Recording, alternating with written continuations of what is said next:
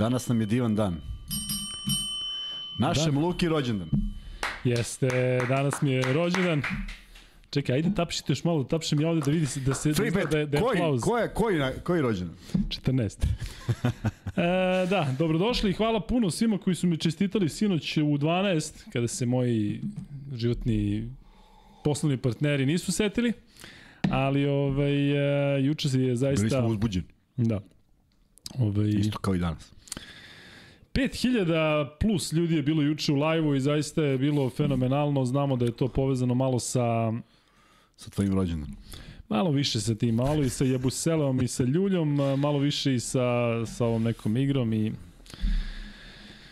E, da, bilo je zaista super e, prethodnog dana, evo za manje od 24 sata smo cepnuli 35.000 pregleda. Prosto. Da, zato što se eto desilo nešto što je presedan. Nije, nije, nismo, nismo gledali tako nešto skoro i uh, bojali smo se epiloga i onda je bilo tu i različitih emocija, vjerojatno i različitih komentara, ti si to bolje čitao. Ja ono što sam primao, Sam bio onako više usresređen na svoje emocije i onako. da, pa dobro, da, bilo ih je različitih i svako imao nešto svoje, međutim epilog je danas došao i nisam oduševljen, ne da nisam oduševljen, nego sam Oduševljen. poprilično razočaran, ovaj, još jednom a, nekako, rekao bih najblaže rečeno besmislenošću svega. Čak, ovaj, ne znam, ne znam, ne znam iskreno šta sam očekivao. Ja sam zaista, i to sam, sreo sam, sreo sam mnogo ljudi danas i pričali smo i ja sam zaista zagovarao to da Jabusele bude kažen i da svi popiju po neku kaznu finansijsku i da se igra, prosto i da se dalje. Ali ovo nisam mogao da sanjam zato što zašto mi nije jasno i dalje i zato što mislim da je ogromna šteta načinjena ovaj, Partizanu, pre svega Panteru, jer da li Jabusel ima 5 ili 20 narednih utakmica, to i nije nešto pretrano interesantno na 0-2.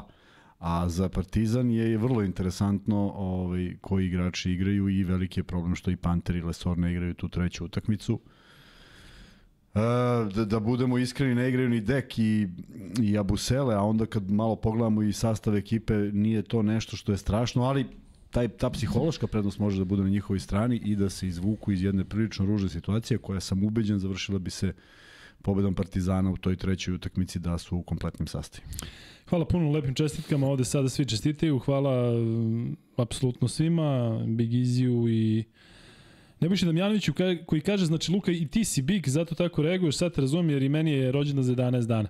E, juče je bila specifična situacija zato što se ta tuča desila realno negde oko 20 do 11, mi smo počeli da radimo malo posle 11 i zaista sam onako odreagovao emotivno i dalje sve ono isto osjećam, međutim sada kada su se malo slegli utisci, pa onda opet drama sa tom a, kaznom, a, Zaista ne znam šta da mislim. Prilično sam smiren, ali iskreno da ti kažem, govorim sada potpuno lično, meni je Ljulj u kombinaciji sa Evroligom ubio, uh, odnosno uništio želju i uništio uh, nešto što je čak i bilo izvesno, to je da Partizan počisti Real sa 3-0. Dakle, mi sad ne znamo šta će biti. Ja očekujem da Partizan prođe dalje, daj Bože da prođe e, sa 3-1, mislim sad pazi o čemu razmišljam da bi Panter mogao da igra Da, da, da, da, polufinale, da, da, dakle da. potpuno je sada suludo. Napravili su nešto što nije košaka. Partizan je u ovom trenutku, ako pogledamo i ostale parove Euroligije, uz Olimpijako zaista košarkaški ispred, svaka čast Barceloni, videli smo šta se dešavalo danas e, sa Žalgirisom, ali iskreno um, kod mene šta god da se sada desi, evo da Partizan dobije 23. ja sam siguran da bi dobio 50 sa Lesorom i sa Panterom. I Uskraćen si za tako nešto. Tako je, ne samo ja, nego uskrićeni smo svi u Da. smislu neke radosti, možda nekog, nekog plasmana na Final Four ranije, da se možda malo napravi i, i neka pauza i da se potpuno sve usresredi na košaku, ali ono što mi takođe smeta to su te kazne, zato što sam siguran da nisu slučajni brojevi. Dakle, za taj ch- choke slam, kako god se zvao, sigurno ne postoji negde To je nešto šta i kako. je MMA kazna od Da, pet, pa od pet utakmica. Ali e, nije slučajno peta utakmica, zato što je sigurno neko računao da je to potencijalno ako Real e, pobedi Partizan, 3 i 2 na Final Fouru, da je Busela do kraja sezone ne igra. Pa onda imaš situaciju gde je Panter dobio dve, kao i Gabriel Dek. I sada, ajde da kažemo, ne daj Bože da se igra peta utakmica, dakle, obojca se vraćaju u, u, u petoj utakmici koja se igra, pot, ne daj Bože, u Madridu. I onda imaš nekažnjavanje ljulja Da. koji je izašao i rekao, sad ću da pročitam, praktično ja mislim da ista osoba pisala njegov, e, njegov ovaj pokajnički govor i Jabusel. Jabuselov. Dakle, čovek izađe i kaže sledeće. Ono što se dogodilo sinoć ne bi trebalo da se događa na košarkaškom terenu. I pazite sad, preuzimam odgovornost za taj grubi prekršaj i katastrofu koja je osledila. Izvinjavam se svim ljubiteljima košarke. Dakle, preuzimam odgovornost za taj grubi prekršaj i katastrofu koja je usledila. Čovek odgovoran za katastrofu će da igra. I ako neko možda mi objasni o čemu se radi tu, e, ja bih baš volao. Znači, ja sam siguran da su se oni vodili po nekim pravilnicima, dakle da nekde piše kada udariš nekog na terenu da se kaže sa ovoliko ili sa onoliko. Dakle, nije neko rekao, ajde, ja busele 4, pa neko dobacio i kaže, ma daj damo, damo 5. Ali sve u svemu, Ima tamo neki artikli na, na koje se članovi na koje se pozivaju, ali ovaj nisam nisam oduševljen. Zašto? Zato što sve da ih da ih ovaj mora mora ne može da bude tumačenje nešto ovaj tek tako. Ovaj ušao, ovaj izašao, ovaj ovaj prvo Deki je dobio jedno ovde, podsjećaju me, nego sam se ja malo pogubio. dobro, sve još gore. Pa, Gore što je on bio vinovnik svega toga, jer ta tuča bi stala da nije bilo njega. E, neobjašnjivo je da jedna ekipa koja se brani, I da, sad moram, moram malo da, od, od mnogo, mnogo poruka, zaista neverovatan broj poruka i uspeo sam ja mislim da odgovorim na sve, ali bilo je onih koji kažu da je Panter učestvovao u tome. Panterova najveća greška što je odreagovao i to smo konstatovali juče, kamo sreće da nije, jer ništa od ovoga nema. Ali prosto na, ja čak mislim da taj prvi udarac nije okidač. Mislim da je onaj, onaj pokret kada je ljud nije znao šta da radi, jer je očekivao ili udarac ili nešto, kada je postavio rame i pogodio ga je još dodatno u bradu. Znači, to je već dva puta neki kontakt koji ovaj, eh, Panter eh, doživljava besom podizanjem pesnice i on je, verovatno bi je spustio da niko nije uletao, ali uletao je deka. I sad ono pitanje koje, koje, koje razmišljam eh, i što je neverovatno, sretao sam čak i neke ljude vrlo bitne u košarci, danas ti znaš da ja srećem ljude, Non stop, da. da je Poirier ostao bez pet penala, utakmica bi bila registrovana 2-0 2-0 šta? Za, za Real. Samo da je on imao pet penala. Pa imao je pet penala. Samo da nije imao pet. A da nije imao pet penala. On i ovaj su dva Dovoljni igrača. za, za dva da igraju sami sa sobom, da. I kaže, vrlo blizu je bilo da bude 2-0. Misliš na Rudija? Rudi je taj koji... Da. Sad onda druge strane, svi smo, svi smo pohvalili Rudija i ne mislim da odustanemo od toga. Čekaj, hvalimo i večer. Ne, ali on je možda znao da je to razlog da se ne ulazi. Prosto je neverovatno da Rudi nije uleteo. Prosto, znaš, možda je previd bio da Ne, on je Poirier, prešao, možda je previd. Poirier, da Poirier ima pet. Možda je to bio Ma ne, verujem, mislim da Pa, on- al, jel, shvataš da su se aplicirali na to i kažu mi ljudi, da, kažem ti, koji nisu ljudi koji su prolazili ulicom dole na, na, u, na pijaci, nego ljudi iz sveta košarke. Da je vrlo lako moglo da se desi da svi, pošto su suspendovani iz Partizana, bude 2-0 za Real. Samo za jednog igrača. Što je paradoks sam po sebi. Koje onda veze imaju, koje su kazne? Koje onda veze kazne imaju? Ako ti tu utakmicu da Partizan demolira jedan tim i vodi 15 razlike, registruješ 2-0 za ove. Šta kao, ušli su zato što im je bilo dosadno, šta, malo su utrčali onako, 20-0 ovde je pozicija. 20 A 20 0 da. dobro, da, da, nije 2 0 2:0 je više fudbalski, ako se nešto desi. Pa to je 2 0 I sad zamisli, mislim, ne mogu više da zamišljam ništa, ali o, ja sam očekivao sad, da. drakonsku kaznu Jabuselevu.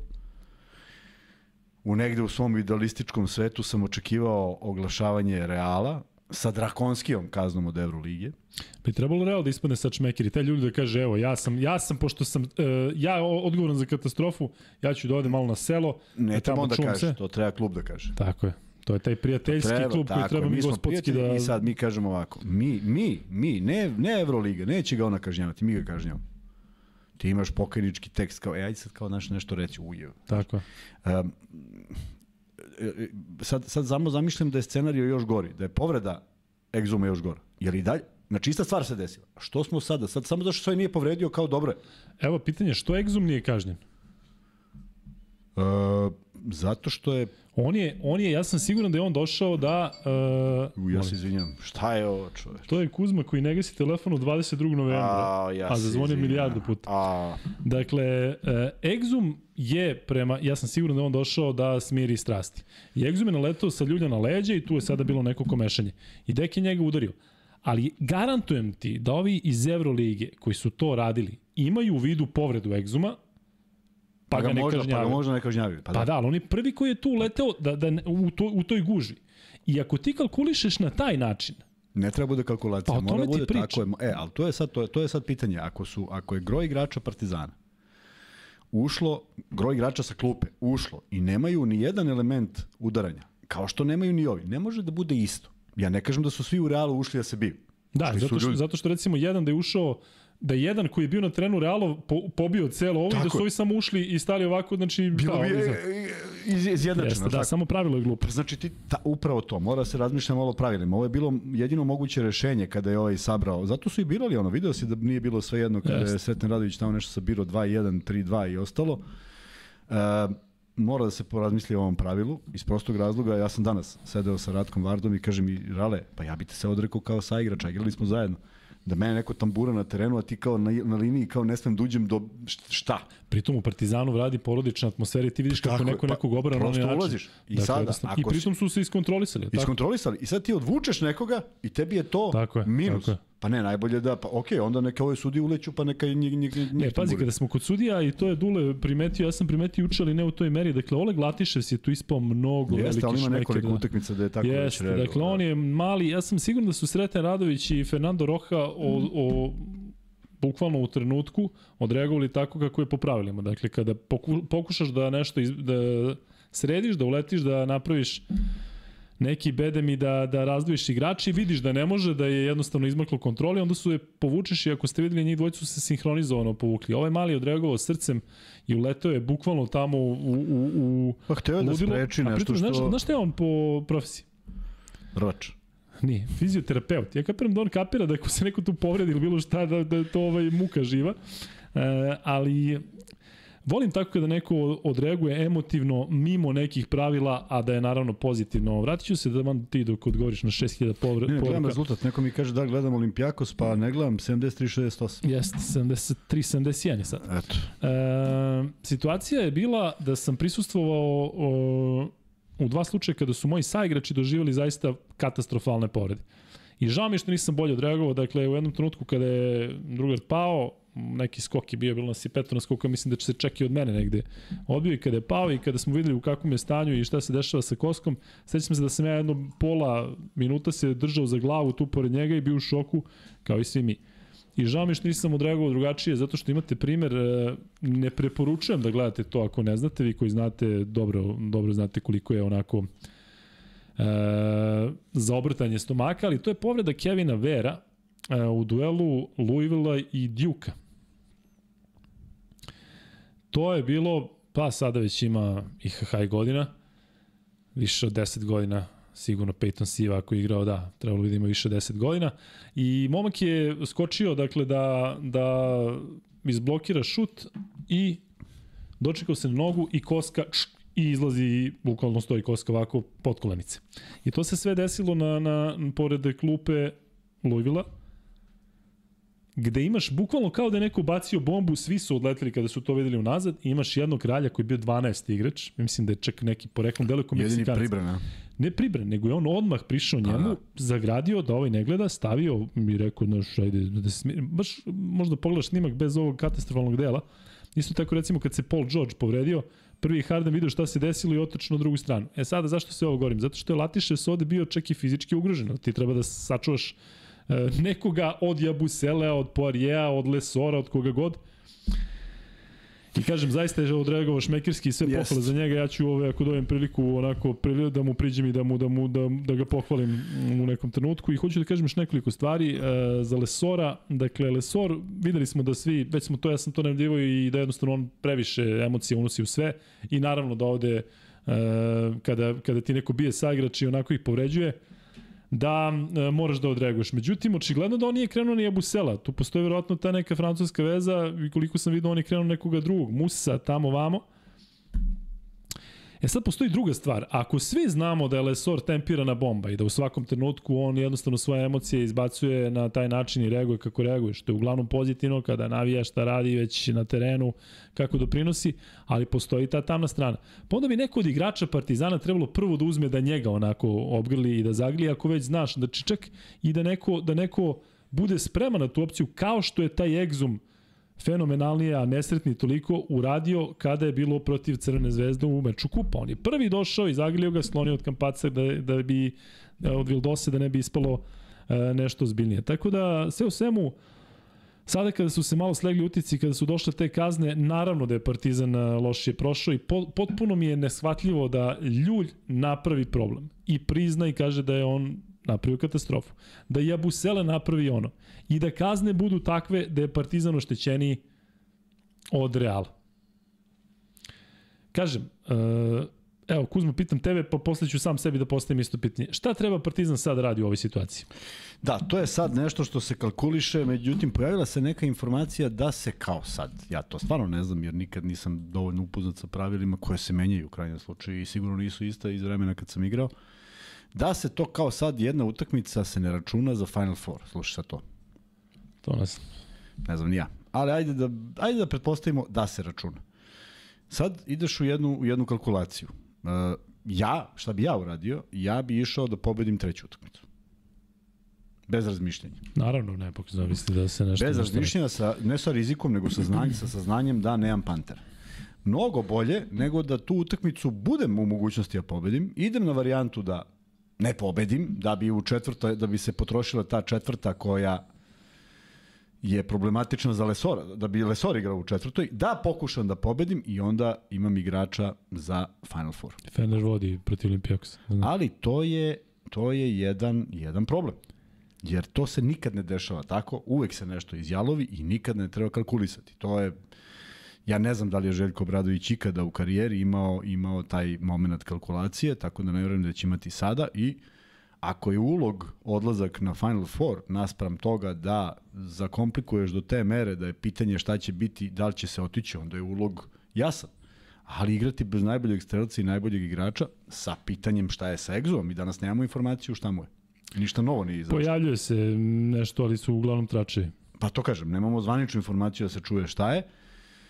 Tako da je veliki problem koji e, razočaran sam kako je rešen, jer stvarno sam očekivao ono što sam malo pre rekao, drakonsku kaznu za, za Jabusele, ovo ostalo ovako ili onako, ali mogla da se odigra utakmica, mogla se, da se odigra košarkaška utakmica u kojoj bi bilo tenzija, ne bi Jabusele bio tu samim tim što je kažnjen, ali bi to u 90% sluč, u 90% verovatnoće bila pobeda Partizana sa nekim nabojem kojim bi morao bude na košarci i ono što se desilo juče to je da su već svi igrači Partizana pričali o tome da se smire strasti da se Ne, naravno, pa to je jedino da što se, može da se uradi u ovoj situaciji. Da se igra ko, pa da, zato što ti je, e sad, a to je zato što si ti, zato što je Partizan je na 2:0. Pa naravno da je u interesu to, nego sad će razmišljati šta će, kako ćemo se, gde da mu se sveti, ima, ima vremena nego je sad 2-0 i sada treba se fokusirati na tu treću utakmicu. Ja ću da odgovorim onako malo uh, kao i u svom stilu uglavnom teatralni, ali znaš šta Partizan treba da uradi sada?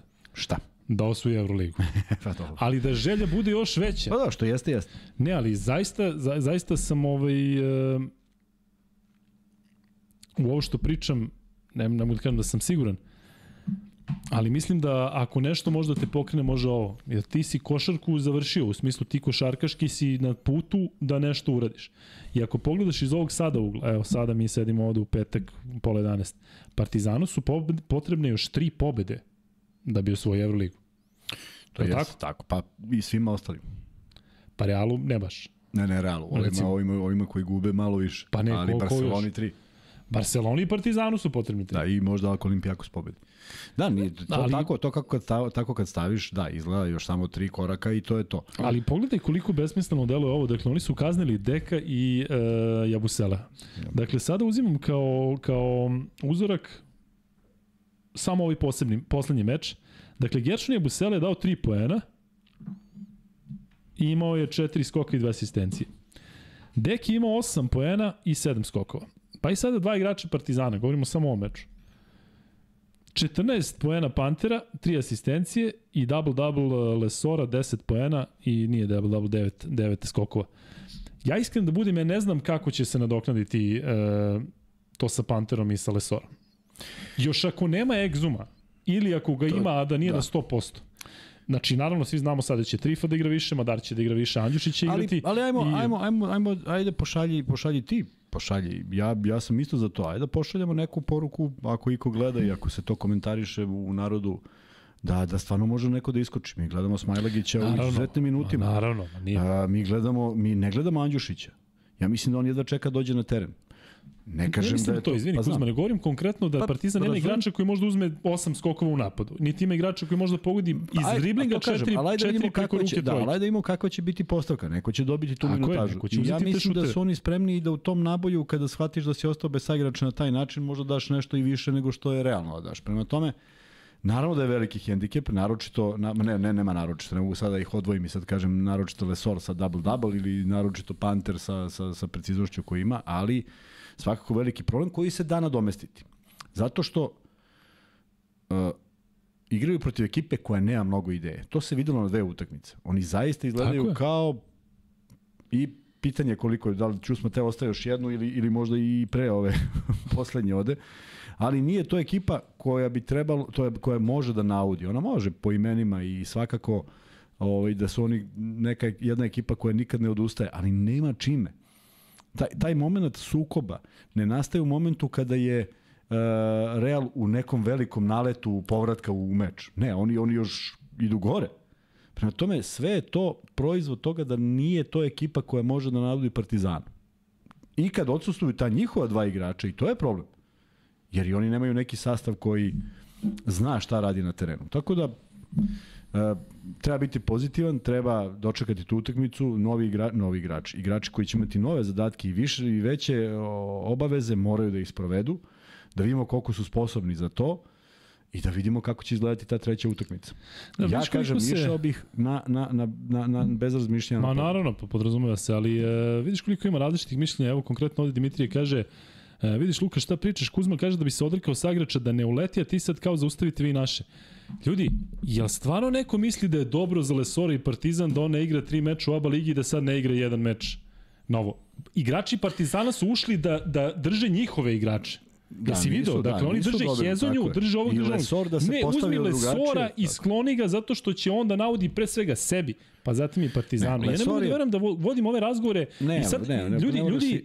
ljudi opravdavaju to i Lesor znamo da je nije igrao tri u ABA ligi.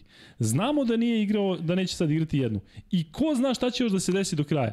I ljudi i dalje to prodavaju. Uh, uh, vidi ovako. Vidio si Egzum kako je išao da, dok još mogu da hoda, kako je da, da Pantera on, yes. posle onog zahvata, da ga on, zato da što je video, tako. video je da je ovaj ušao u crveno. Vidi, ovde je trebalo, ovde, ovde se, ne mogu kažem da se stvar, strasti smirivale, ali Lesor je potpuno promašio odlazak i uh, uh, nije Panter bio ugrožen od Muse.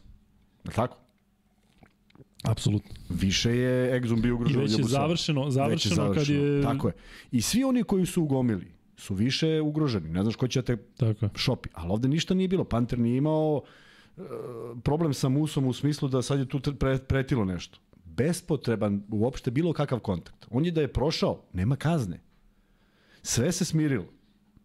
A ako je trebalo da uleti, ja sam za to da uleti Deja Busele, tu i on. I samo da razgrne, samo da razgrne i da ima sad, vratio sam film, potpuni flashback, Charles Barkley kad drži Peytona i Kempa, valjda. Si vidio to? Pa kreće sukob, nek, tu nekog prozvo i on sada bi ih držao na distanci, uvati ih obojicu ovako za dres. I ne mrde. I ne mogu ništa, ne smeju da ga udare, a oni drži na distanci sa obe ruke. Pazi, no, tako ova dva, da. E, to je trebalo surati. To je trebalo. Staneš i staviš ruke. Pa nek bombače tebe, ali ti si Tako je. Ti si neko ko treba zaštiti. Ti kada si rekao da bi se odrekao igrača da ne uleti, mislio si da ne uleti ne da sada nekom lomi vrat. Od ne nego da me zaštiti što me, tako je, hvala Bogu. Ne da on skoči sad Mike Gary tamo i udari nekoga. Ne, nego da, da, da me odbrani od ovoga. Tako da, ovaj, nažalost, većina igrača Partizana koji su ušli sa klupe i koji su popili tu suspenziju su ušli samo iz razloga da se da ne eskalira sukup. Ne mogu ali, da kažem da su svi Reala ušli ba da se biju, ali o, tuča je započeta zbog toga. Ali pazi iz kog, uh, ovaj, čekaj samo da se zahvalim na donacijama, Dušan Krsmanović uh, je donirao uh, Bojan uh, Marko je donirao 76, 78. Da, 14 da, sekundi Vezenkov promašio 80, trojku. 80, gotovo je. Fenerbahče e. dobije 1-1. Opa, e pa dobro. Interesantno. Ovaj, ali pazi ti koja je to tragedija. Taj Kevin Panter, koji je morao da se da se iskontroliše. Mora, mora. On Sve pazi, to stoji. Jer on epilog sada... nam kaže da je morao. Zamisli, zamisli samo da je epilog novčane kazne. Ne bismo toliko pričali da li morao se iskontroliš. Zato sam ti rekao na kraju juče on i Lesor koji sad neće igrati šalju poljupce i navijačima Reala. Ne znam da si vidio tu sliku? E, to nisam. Pa kažem ti ima šalju poljupce, ovim kao a, a, onim šalju poljupce i sad će možda da se vrate u toj petoj utakmici tamo, ali pazi ti koja je to tragedija iz ugla Kevina Pantera. On više ove sezone, što god uradio Partizan, ja se nadam da će osvojiti Evo ligu i da ćemo proći Real i sve. On više neće igrati ni jednu utakmicu pred svojim navijačima. Da. Kraj priče. Dakle, čovek koji, koji prvi treba da bude pozdravljen, i bit će pozdravljen, naravno, ali će biti pozdravljen u trenici. Dakle, pazi ti kolika je to tragedija za njega samo, ja sam siguran da on sada kada je sam, i opet ta reakcija, vidiš kako um, Real odmah, jajarski, odmah iz, izbacuju saopštenja. Žao nam je mnogo, evo, baš smo, baš smo se, Majstor mnogo smo se potresli, a on, iz, on izbacuje nešto, pročito se me, nemam društvene mešte, kao, nisam ja započeo sranje. Čekaj bre, stani bre. Pa sve to možda ulazi u, u, u ovo da, da će neko da te kazni. Čime ljudi izašao iz java, izvinite, ja sam, baš evo, sam se... Evo, evo, krivo, viš da mu je krivo. Da. Pa i sad ovo. E, koja ti je ovo pitanje, e, za sam siguran da ćeš... Ovo je da pitanje za mene za freebet. Pitanje je za vas, dragi gledalci. Koja vam je omiljena pesma Olivera Mandića? Uf, ima ih kako hoćeš. Ajde. Ili ima neke veze sa dešavanjem? Ima. Zato što je on bio takav vizionar da je e, pre 35 godina pisao pesmu za Serhija Ljulja. Bukvalno od reči do reči, sad ćeš vidjeti. S čime se ja bavim kada, kada sam dobro. Ljuljaj me nežno, ljuljaj me fino polako. Ljuljaj me nežno. Ali pazi, jel ti veruješ da su ta pesma i da je, da je su se Ljulj e, desili na, u isto vreme? Znači, kad se rodio Ljulj, nastala ta pesma. Stvarno, pa to... Pa ne, nije, nije zezanje uopšte. To ima vezu 100%. E sad slušaj, e, ta, tu pesmu Oliver Mandić napisao za Ljulja, znajući da će ovo da se desi čet, četiri decenije kasnije. Samo slušaj, ja ću da recitovati, ne smem da pevam zato što su strajkovi. I reci mi da ovo nije... Pesma za Ljulja. Pesma od Ljulja koji peva Čovek, Partizan. Čovjek je putao kroz budućnost. Ne, 100%, dakle ovo sad nije ovo je provereno, pa evo samo slušaj, ne, provereno je 100%, to ne sumnjam. Pa, ne, ali ne, evo sad će da se potvrdi. Što bi izmišljao? Slušaj, ljulj, ljulj, a ime nežno. Ja sam tu i nisam neko čudo. Ti si tu i bilo bi nam ludo. A ljubav je naša vrela i ne znaš šta je led, mi hladimo ledom čela i jednom samo red. Ispijen i umoran. Pred tobom sad stojim. I dok ti blistaš, ja se bojim, bojim. Pa čekaj, ajde reci mi da nije. Ne, ne, ali apsolutno, ja ovo ne bi nikad našao, ali toliko ima smisla I da... I ljulje me nežno, ljulje me fino polako i, i ja mu želim da posle ove sezone uzme jednu od onih uh, ljuljajućih stolica, može u forma ideale da odemo i Ikea i može kod Kineza na buljak i Jabusele da ga ljulja, eto to im ja želim i da se manu košarki jedan i drugi Ali ovo što su radili Partizanu, kažem, ostaje zaista kao šal na stranu, sve na stranu, zaista ostaje kao jedan gorak utisak što uopšte mi pričamo o tome. Jeste, jeste, jeste. I epilog je loš i nisam ga očekivao i ajde ovaj sada da moramo da konstatujemo da je to tako, pošto u onom izvornom na sajtu Evrolige piše da je nema žalbe. To je to, to je to što je izrečeno, dole pisalo da nema tu sad nešto neko da se žali, dakle to je što je. Uh, alarm se upalio u Partizanu, Željko sad ima mora pravi kombinacije koje treba da pravi. Utakmica će se svakako igrati, znamo či sigurno da Jabusela ne dolazi, vidjet ćemo ko dolazi, s obzirom da Tavares nije igrao. Dosta je misterije vezano za taj sastav, uopšte i ko igra i ko ne igra i šta se dešava, ali kažem, to nije briga ovaj, bilo koga od nas.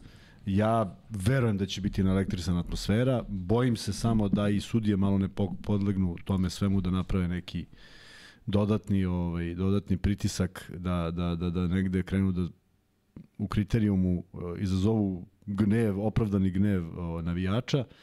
Uh, nisam za to naravno da se bilo šta desi, niti sme nešto da se desi, jer cilj mora da bude taj da je da, da Partizan završi utakmicu pobedom i to je jedino što je bitno i ja mislim da će se u skladu s tim i navijači ponašati, ali da osete tu neku, tu neku energiju moraju igrači Reala i da im ne bude sve jedno i da ne igraju ništa od onoga što planiraju da igraju, a ponos im je povređen, to je jasno, Eksploat, e, e, e, pokazali su ga na najgori mogući način, ima mnogo komentara koji su stali u podršku Panteru, pa tamo piše ako gubiš, gubi dostojanstveno i tako dalje, ne znam ko se sve oglasio.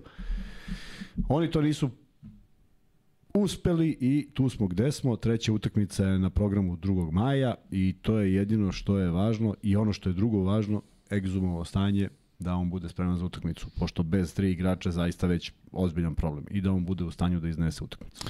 E, ljudi, mi se ovde šalimo i nekada govorimo emotivno zato što nam se jednostavno može kao da pričamo sa vama i da sedimo negde u, u nekom hladu. E, ali zaista nije stvar za zezanje. 20.000 i kusur ljudi će biti u, mislim da će biti više u dvorani i bit će mnogo naelektrisana atmosfera. E, slali su mi drugari odmah posle meča, brate, da li je moguće da si ti ovo sve predvideo, zašto sam rekao da će biti provokacija tih starih igrača, ja sam mislio da će Rudi biti taj koji će možda da pokuša da izazove nešto ovako, ali videli ste dakle, šta je Ljulj uradio, kako igraju šta je uradio na kraju. Kuzma, evo sad tebe pitam, znajući Real iz perspektive Reala, oni su sada odlično prošli ovde, tako? Dakle, sad kad se poduče crti... Oni sad su zadovoljni, da, oni su zadovoljni, da. Šta ako se... Tek je sad ovo prostor za neke provokacije. Dakle, ja ti garantujem, ako padne neki upaljač, da će neko od njih da se da, vata za da, glavu, da, da se prevrće na terenu. Zato ne sme, zato ne sme. A dakle, vidi, ne sme uopšte. će dakle. na sudije da bude. Pritisak će da bude na sudije. Znači, svi ti upaljači, sve to, gestikulacije, tako, drama, tako. sve to, sve to čeka, da. Sve Zato to ljudi čeka moraju da se iskontrolišu, moraju da se iskontrolišu, ali zaista je bitno ko će suditi utakmicu i koliko će imati uh, hrabrosti da se suprostavi tome. Uh, Ajde, el možeš, el možeš da vratiš samo onaj, do, onaj deo utakmice koji nema, nema veze s tučom? Možda da, da, da vratiš sliku da je na 65% odluka bila gestikulacija. Ili možda stvoriš? Minimum da, 65%. Sad zamisli to kad tako uđu, jer e, kažem ti igrao sam u karijeri par puta utakmicu gde krene trener protivnički od prvog sekunda i deluje ti na kraju utakmice koju zasluženo pobediš da, te, da ih je neko pokrao. Jer on je apsolutno 40 minuta u neverici. Kao da njegovi igrači nisu napravili nijedan faul. To je moguće da se desi. I tu ne treba podleći i sudije moraju da drže kriterijum uh, stabilan, da vode računa šta se dešava i da ga ne menjaju i da ne ulaze u kompenzaciju. Neće to biti lako zato što kad zagrmi, ovaj, verujem da ne čuju ni pištaljku ponekad, pa prema tome i zavisi koja će trojka biti na, na, na, na terenu u Beogradu to, to, to veče. Mislim da svejedno koja trojka ipak mora da se apeluje navijače da niko ne sme od tih 20.000 ljudi da uradi ništa. To bez dakle, samo, dakle, kad god vas pouče Ali... nešto, ja govorim iz svog ugula, samo zamislite kako će to biti lep osjećaj ako ih ako se isprati s ovom pesmom, sad se zezam, ljuljaj me nežno ili koje god je pesma i da se maše bukvalno i da se, da se pošalju u, da se oni pošalju bukvalno u istoriju na ovaj način a ne tako što će možda dobiti šansu u, protiv Partizana, zato što ne daj Bože da, da uđe serija u četvrtu ili ne daj tek Bože u petu utakmicu. Možete misliti čega će tu biti. Da. Pritom, ja mislim da su oni čak sada u situaciji da se potpuno košarkaški fokusiraju i da im to možda nije potrebno, ali to će možda biti neki njihov kec iz rukava ako ne krene ili ako ne bude suđenje kako oni budu hteli, da se opet služe nekim prljavim i odvrtnim stvarima. I tu ima e, kandidata koji će to da radi. Prvo, da se vratim na ovog deka. Ako će on da igra četvrtu utakmicu, ne daj Bože da bude. Taj dek, ono protiv Smajlagića, ono je uvod u nešto što je problematično. Si vidio kada je Smajlagić šta je, šta god je bilo, pa ga ovaj sve vreme gleda Smajli, dakle, si vidio taj, taj duel Deka i Smajlija? Crnogorci kažu gleda koji iz tuđe glave. Ali si vidio ti koliko to izgleda odvrtno? E tu je morao jedan od sudija da dođe i da kaže, čekaj, stani, kao što su radili u situaciji Ledeja i ne znam ko je bio. Dakle, Ledej uradio nešto ovako, pa su oni kao prišli kao ne, nemoj kao ovako, nego ajde sad ti nemoj tako, nego malo ovako. Da, znam, ali vidi, to si video, na, to je bio vraćeni snimak, pa ti onda upadne u oči pa traje, pa ga malo uspore, pa stvarno ne, traje se, ko da nije, vidimo se, ko da nije normalno. se odmah, da on nešto sad njega gleda, ovaj ga ne gleda, što se ali smajli. Ali svakako, mislim da je, da je u svemu što se dešava u tom, tim nekim provokacijama gledanje mi je najmanji problem. Znači ima tamo ko zna šta se izgovara, što sudije možda i čuje. Nego govorim da vidiš, pa, vidiš da je on elektrisan, da, je spreman, pa da je spreman da se bija, uopšte nije bilo razloga u tom trenutku. Elektrisan zato što su ideje, njihove, njihove vizije bila drugačija, konstatovali Partizan dolazi dobro je, nemamo nekog težeg, verovatno, mi smo Real, oni će da se predaju i to je to. I odjednom ništa ne ide. I on koji je odigrao majestralnu utakmicu u prvom delu, ne može, ne može se sastavi u, ne u prvom delu, u prvoj utakmici ne može se sastavi u drugoj. I sve je to kulminiralo. Ja, ja verujem, ja, ja prosto ne znam, ja bih volao pitaju Abusela, jeli, kad gledaš onaj snimak, šta misliš sad? Šta misliš sad o ome što si uradio? Ja, ja mislim da bi on rekao da ima ponačenje svesti, jer to mi je jedino razumno objašnjenje. Jer da. ono izgleda zaista nenormalno i ako, a, ako ima i malo i malo stida, on stvarno to što kaže da ga je sramota treba kaže najiskrenije. Ne kao nekomu napisao pa kao kajem se, nego stvarno za nešto što je moglo da proizvede ogromnu štetu. Tako da, ajde da vidimo, mene zanima još te reakcije koje su bile šta je po Fibinim pravilima, pa da vidimo da li ima još neka ingerencija nad njim, ovaj, zato što dopalo mi se ono što je Laso juče napisao na Twitteru, da ne zaslužuje da nosi beli dres, pa ajde da vidimo kako će te reakcije biti, pošto ako ovo prođe tek tako, pa onda idemo u nekom pravcu ovaj, da će biti dozvoljeno uskoro šta god, pa samo zbog interesa nečijeg i zbog, ne znam, financije ili nečega će se tolerisati sve. Ovo je nešto što se zvalo kršenje, je kršenje discipline, neki pravilnik koji si imao da potpišeš u bilo kom klubu, 90-ih kad smo igrali, pa mora potpišeš neki Jeste. pravilnik koji ima neki neki smisao šta sme, šta ne sme, pa ne smeš da, ne znam, o klubu pričaš ovako, pa ne smeš ovo, pa ne smeš ono. Ovo je nešto što je najflagrantnije kršenje bilo kakvog sportskog pravilnika, internog, i meni je žao što se Real još nije oglasio. E, ne znam šta da mislim u ovom trenutku što se tiče eventualnog dolaska Jabusela, njemu mesto nije ovde, ni u jednoj varijanti, on ne može da bude skipusi, sedi ali pazi, da- konkretno Dek ne igra On mora treću, doći. a možda četvrtu, On dakle, mora on će doći. biti tu. Da. Dakle, Dek je, kažem, evo ovde podsjećaju na taj faul koji je napravio upravo na egzumu. Dakle, on je bio spreman incident. Ne spreman incident, on je bio spreman Jest. da izazove incident. I to se videlo. E sada, šteta što Panter nije odreagovao kao Smiley, u smislu da ga baš briga, a siguran sam da bi Smiley jedan na jedan s Dekom prošao verovatno bolje. Ali e, opet kažem što se tiče Kevina Pantera, on je da podvučemo crtu ovde ispada da sam ostrašćen i da samo Panter mora da se iskontroliše. Dakle ti kada podižeš pesnicu kada nisi kada ostrašćen. Potpuno je, potpuno je razumljivo šta pričaš. Nema tu ostrašćenosti. On je morao to da uradi. Sad, to je stvarno zavisi od čoveka. Neko bi, neko ne bi. Neko bi, neko bi na taj faul podigao glavu, video Sretena Radovića koji pokazuje nameran faul, otrčao do njega, overio onako iz jebancije za dobar, dobru, dobru odluku i otišao na slobodno bacanje. Ali, očigledno da nije. Da li je trebalo, da li nije, nismo svi isti. Kažem, neko bi Jeste. tako uradio, neko ovako.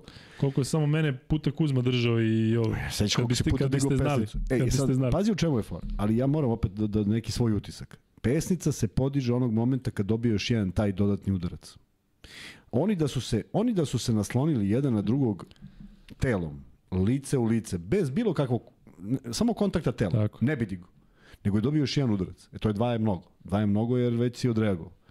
I onda se zaustavlja, znaš, čak i ovo nije isto, ali ovo izgleda kao da će Jest. nešto se desi. Jeste. E sad, e, reći da je Dek pogrešio kad je video pesnicu u glavi, da je baš potpuno pogrešio da li će da ga udari, ni mi nismo sigurni. On se iskontrolisao i nije ga udario. I vrlo verovatno ga ne bi udario.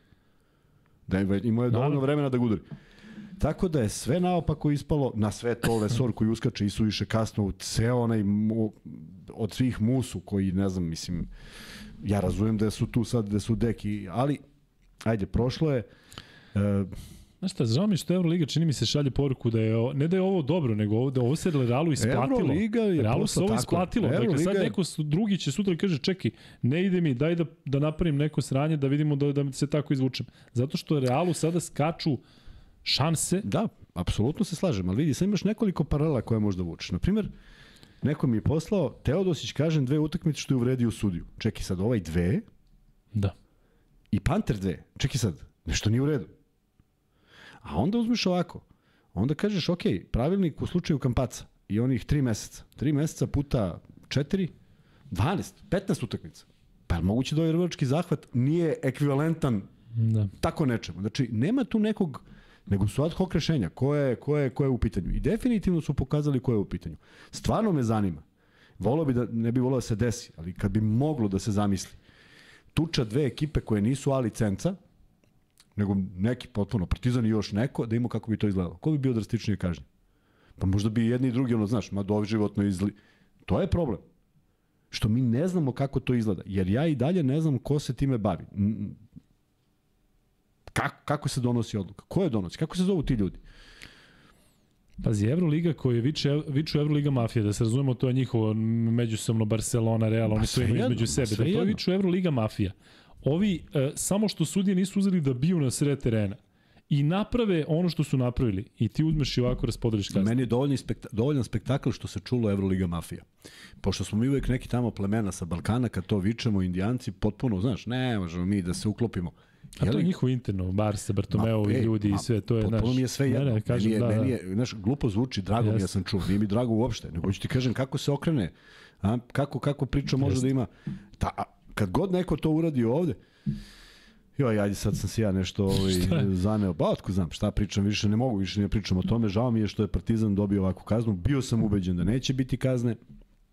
Možda sam imao neku opet moju svoju svoju sopstvenu teoriju. Kako bi ti Kuzma ovo rasporedio? Rekao sam ti, rekao sam ti, svi vinovnici, sve ovo što spada u domen ćuškanja, čačkanja, drndanja, bi kaznio novčan. Ili bi svako koji je uputio zamah dobio po jednu utakmicu, ali onda nema utakmice. Svako je napravio neku gestikulaciju koja ti imaš, ti imaš i Hezunju koji ide pa, pa vidiš da nešto, pa ne znam čovjek šta se dešava, možda će ga onako napadne. Logično, nemo stojiš i, i, i nudiš se. Ali, daj da budemo realni. Tuča nastaje zato što najgrozomorniji moment ne tuče, nego je Jabusel. Aj zamisli se pokuškali Ljulj i Panter i da je stalo na tome. Pa ni jedan ni drugi ne bi dobili Tako. suspenziju. Ne bi dobili suspenziju. Ne bi bilo ni sa Musom, ni Lesor, ne apsolutno ništa. Dakle, ovaj kad vidu uvalio, Tako je. Da su njih dvojica pokušali, Just. tehnička i ključujuća, šta god treba, ali nema kazna. Ili ima kazna finansijska što su ono, što, pošto su jedni i drugi kaženi 50.000, tako? Tako je. Eto, to bi bila kazna i doviđenja. Jer su dvojica. A ovako, ceo tim i sve to. Tako da... Potpuno se slažem Lučo sa tobom da je trebalo ranije da se sankcionišu igrači Reala ili ovaj nesretni Ćus Mateo, ja i njega iskreno krivim za ovo zato što kao što sam rekao da sudi nisu kontrolisali utakmicu zbog toga što nisu reagovali na neke stvari. E, tako je trebalo Ćus Mateo da iskontroliše svoje igrače, osim ako nije bio deo taktike ili već nečega u slačionici, što se nadam da nije zato što je onda to već ulazi u Ne, ne, ne, ne, ne, sam, ne sam razmišljam u tom pravcu, da, mislim. Ali prosto... Ćus Mateo koji ne ume da se buni, on ne, ni ne zna da se buni, on nema nikakav autoritet nigde ni prema uh, ni kod svojih igrača, ni kod sudija. I kažem, jednostavno, on je trebalo da odreaguje. Vidite Željko Bradović koji je ušao na teren da smiri i odmah ovako kod, kod Jabusela i Egzuma bio tu. A gde je taj Ćus Mateo? I moram priznati da mi je najbolja reakcija Nanelija i ja sam siguran uh, da će Naneli da da iskuči sad u ovoj situaciji, da kada pričamo da li će Trifo, da li će Andjušić, ovde svi govore neće Andjušić, ne treba naračunati, da li Madar, ko treba sad u ovoj situaciji da se dokaže, u smislu da nadoknadi te panterove šuteve i da jednostavno preuzme neku odgovornost u napadu. Ali Nanelijava reakcija, Nanelijava reakcija je meni najbolja, zato što on prišao ljulju, koji nešto sad hvata loptu na centru, on ide po loptu, dok se ovi biju i, znaš, kečeri na sve strane, On uzima loptu na centru i prilazi mu naneli i bukvalno mu stavlja prst ovde i kao da mu je rekao ovo si ti tako je, pa, tako umesio, pa, tako je. zato što je tačno znao ko i šta je. Svi ostali su negde bili, kažem ti, vrkao ko muse. Šeta kao. Kažem ti, to je najgore. Napraviš, napraviš ovaj haos i onda se praviš blese. I onda je trebalo onda ispadneš mekir pa da ode kod egzuma. Zato što tako bi onda je. tako bismo znali da tako se stvarno se, traje. Tako je, tako. Znaš, I ono što je Željko Bradović rekao juče da su igrači pričali između sebe, meni je drago, zato što ovo treba, ne treba da, da, se, da se nastavi, ne znam kako da sad ti pratiš neke duele, da li će da se pobiju na terenu. Ja još jednom molim vas da apelujem, dakle, u, u utorak će biti potpuni haos. Ja sam čuo svakakve stvari, sada svakakvi tračevi dolaze. Da će možda da budu ubačeni neki ovaj, špijuni i da će da, ubače, da, da će da ubace neki koji će namerno da, da, da, da prave nerede. Dakle, ne smemo da dozvolimo da sudije, zato što će sudije sada da budu osetljive šta god da uleti, odmah se prekida. Bilo ne, neko će lakat, padne, bilo ovaj neko pada, neće ni da vidiš šta ga je pogodilo. Tako. Samo padne i beže s terena. Najgora i stvar je, najgora stvar je to što je što je košarka će biti potpuno drugom planu. Dakle košarka nažalost, sad neće biti. Nažalost, od dve utak, od prve utakmice koja je bila fenomenalna, Jest. druge koju je Partizan odigrao fenomenalno, to što je Real podbacio, to je njihova stvar i sad ti očekuješ treću utakmicu, razmišljaš da li će sve da prođe u redu. Ej, i, i, i razmišljaš već ko tu sad kao igra, umanjujući čak i kvalitet i značaj te utakmice. A to može bude isto utakmica ako se bude igrala košarka. Ali ako se bude radilo sve ovo, što je moguće, opet ćemo pričati o nekim drugim stvarima. Nego mi je Ivan Pejić poslao naslov, ne znam samo da je izašlo, ja na Kopolo se oglasio. Napao je Euroligu. Počeću i ja da udaram ljude. A ja na Kopolo si ko... Eto. On je... Napokon nešto pametno od njega. Ne verujem, je, da, da on brine za Partizan. U to sumnjam prilično. Um, Inače, Dwayne Bacon, Kevin Bacon nije više igrač Pantanikos. Nije, jel? Nije. Čudo, Dwayne Bacon. baš čudo. Da, on je za Monako. Znaš šta, znaš šta, znamo koja je adresa za Dwayne Bacona i za Micah James? Koja? Pa koja? Dubaj. I to sad da odu. Oni će, oni će budu, dakle. da. Si vidio gde je svetsko prvenstvo, ide malo to da komentarišemo. U Doksi. Kako to zvuči? Ne zvuči mi nikako. Mislim da ćemo sve sad sabijemo tamo. Sad naredna četiri u Kataru, Doha i ostalo. Mislim, sad. Kad je to? U, ko, u kom periodu? 27. pa isto avgust, septembar, šta? Kad možda bude? Ne, može bude tada. 2027. ne može da bude svetsko prvenstvo u avgustu i septembru. Ne, ne, ne. A, da, može, da.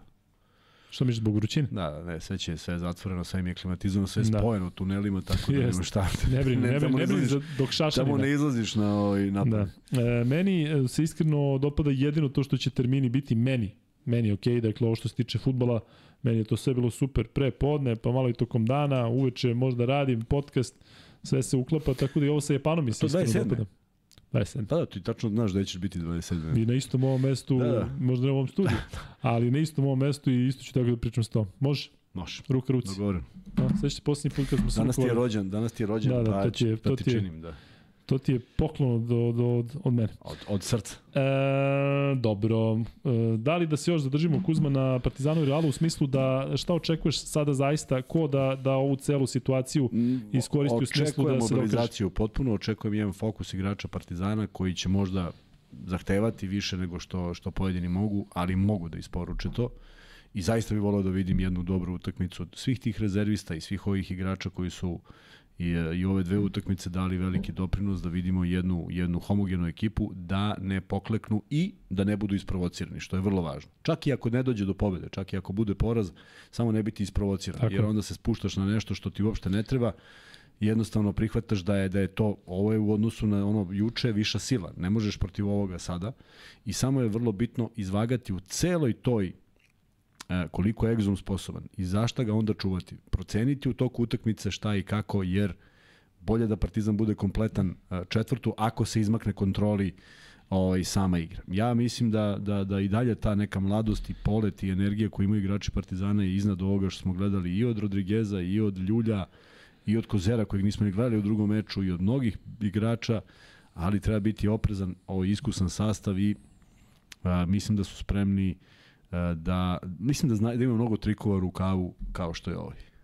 Evo, da preokrenu jednu seriju koja nema šta da se preokreće. Ovde imaš ekipu koja dominira, a oni nađu način da iz toga izvuku nekakvu korist. Koja njima ne znači da kažeš da je to sad, da su znali epilog. Ali makar je poremećen protivnik, to je cela poenta. I produžava se ta neka nada koja igrački zaista mislim da ne postoji. Um, taj meč utorak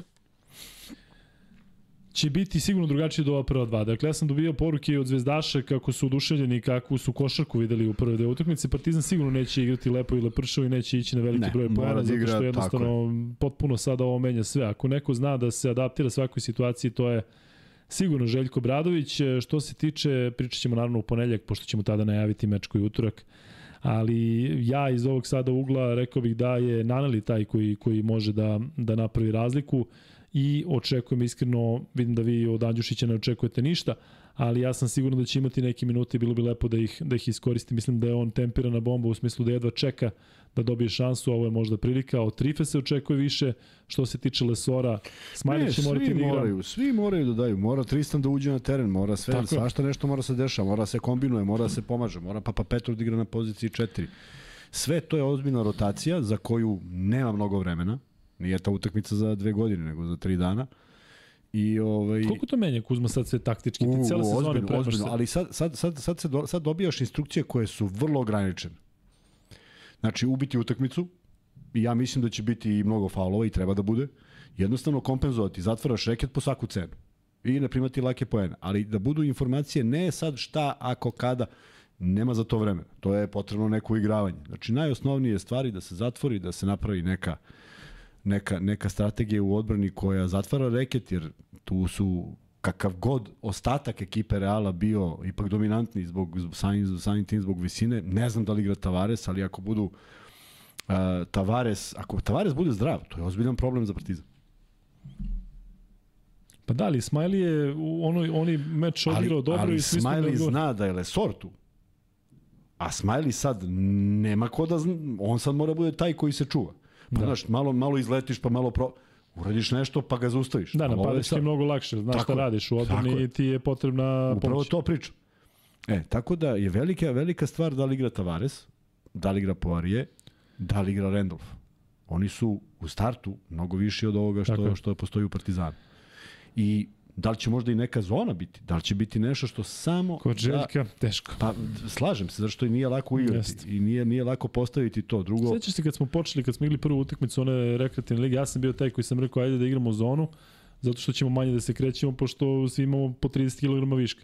Ti si rekao, ljudi, zona je vrlo zahtevna da se igra, jako delo da ti se pokriješ samo u... Ti deluje kao stojiš. Da, da, da, i kao binjišeš se. Tako je, tako je. I onda više nikad nismo igrali zonu. Zona, i zato smo igrali. Zona, zato smo imali skor 2-11. Zona, uh, Darko Ruso, profesor Nikolić, zona u Beobanci. Ljudi moji, mi smo to vežbali i vežbali i vežbali.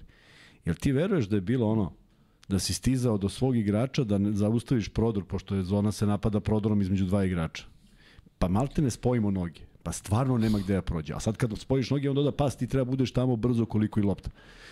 Uh, veruj mi, na tim treninzima, možemo da igramo do sutra i da bude 2-1, 3-2. Ma ne možeš da daš koš, prosto to je to je sve zatvoreno, uđeš u takav takav ritam igre, tako tako se dobro krećeš, tako se lako krećeš, tako se poznato krećeš. Poznata ti je svaka kretnja, nema ispadanja, ne povlačite lopta. Zato je zona ono što sam i tada rekao, izuzetno zahtevna ako hoćeš da igraš na nivou uh, ozbiljne i vrlo, neko misli tu sad ti stojiš i odmaraš kao samo dolaze igrači. Dolaze da, ne, kao imaš olakšane zadatke, znaš tačno šta radiš, krećeš jeste, se u važi. prečniku od To je bilo 80. kao stani, znaš, da. svi raširi ruke i dodirnu se i onda se okreću, u, to nekad bilo. Sad se drugačije napada ovaj, i, i, i razbija se lakše. U krajnjem slučaju imaš ove šutere sa 8 metara, pa kad uđe dve veže, on ti poremeti celokupnu zonu, tako da je i manje igraju. Ali biće plan zatvoriti reket, po svaku cenu. E, jednu stvar koju uopšte nismo spomenuli juče. E, pravovremenost faulova je bila nenormalna. Kod Partizana? Da. Jeste. E, tu sam, tu sam čak hteo da te pitam nešto, ajde da završi nastavi. Nije završio sam. sam to teo kažem.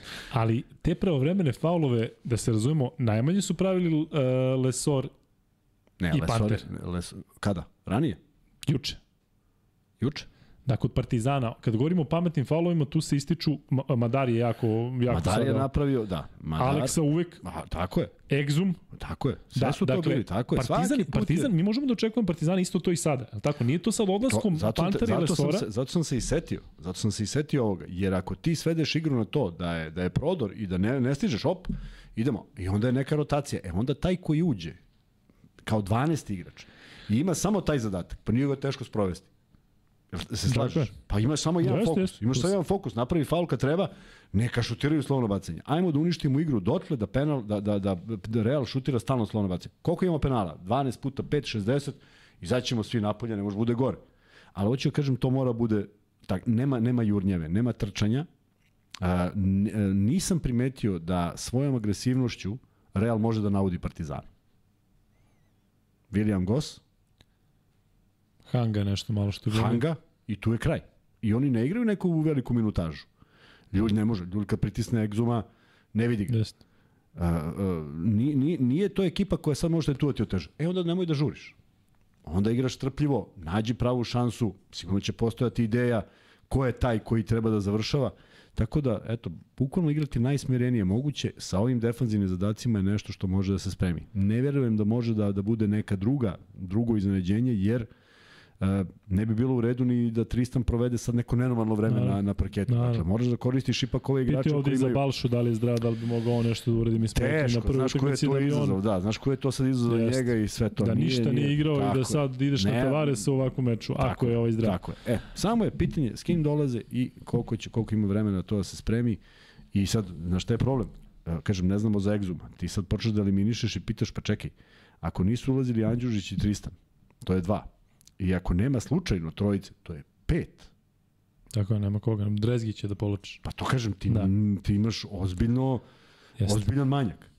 Zato je vrlo bitno da Exum igra, Ako je istina da je ta tetiva i da nije Ne, to je bolno, za mene najbitnije. Dakle, da je najbitnije. Tako je, Pitanje kako je, će stanju biti, ali mislim da bi njegovo prisustvo samo i na terenu tako je, tako i kod je, donelo, publike i kod svih donelo... Samo, samo tu treba biti oprezan. Sav će onda fokus biti na, na Exum. Znaš, da. kad nema ovih, Jest. big će Exum Ledej i onda je malo lakše Jest. igrati, tako da... Ledej je tu neko u koga se ja uzdam i Aleksa, da I Ledej će mora igrati dole. pet, mora će da igra pet, tako mora će da igra Smiley pet, mora će Papa Petru na četiri, mora će svašta nešto da se kombinuje zaista mislim da postoje momenti kada ti je toliko, toliko ti provodi adrenalin da radiš neke stvari neverovatno, iznad svih mogućih, zato što si prosto besan, tako da može da proizvede jednu dobru reakciju. Ali da li to može da traje 40 minuta? To je ono što je problem, zato što je ipak definitivno manjak igrač. E, Leo Armando kaže Brodzijanski come back please. Radio sam Juventus, Brodzijanski igra uh, u trans. odlično, Ma tako. sve baca, baca horog levom, desnom, Šta je pogađa dao trojke. malo onaj, ne, neku, neku frljoku Ma iz nešto okreta? što, što bi bilo sramota da šutnem, a kamo li da dam. Ali ovaj, e, mislim da je to pokazalo kolika je zaista razlika između Euroligi i Evrokupa, gde jedan Brudzijanski u polufinalu Evrokupa radi šta hoće, igra se bukvalno košak je zaista onako videlo se da je on siguran duše potpuno bila drugačija uloga i ovde se vratio u sistem e, koji njega poznaje, koji on poznaje, ali taj Brudzijanski svi znate kako je prošao u Partizanu. Ima jedna druga stvar i sa time bih da završim što se tiče Partizana, ali prvo da kažem da zaista ne mogu da verujem.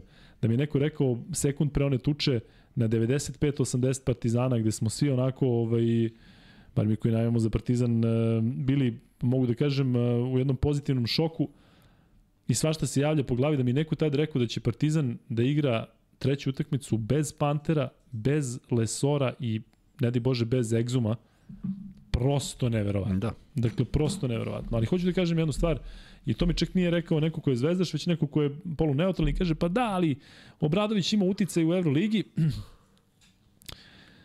Obradović kao ima veliki uticaj u Euroligi, ali je delovalo kao da je to negativno odreagovao. I onda sam prvi put, ja mislim, posle ne znam koliko vremena, uspeo čoveka činjenicama da ubedim da kaže jeste. Kada tako kažeš, onda si u pravu.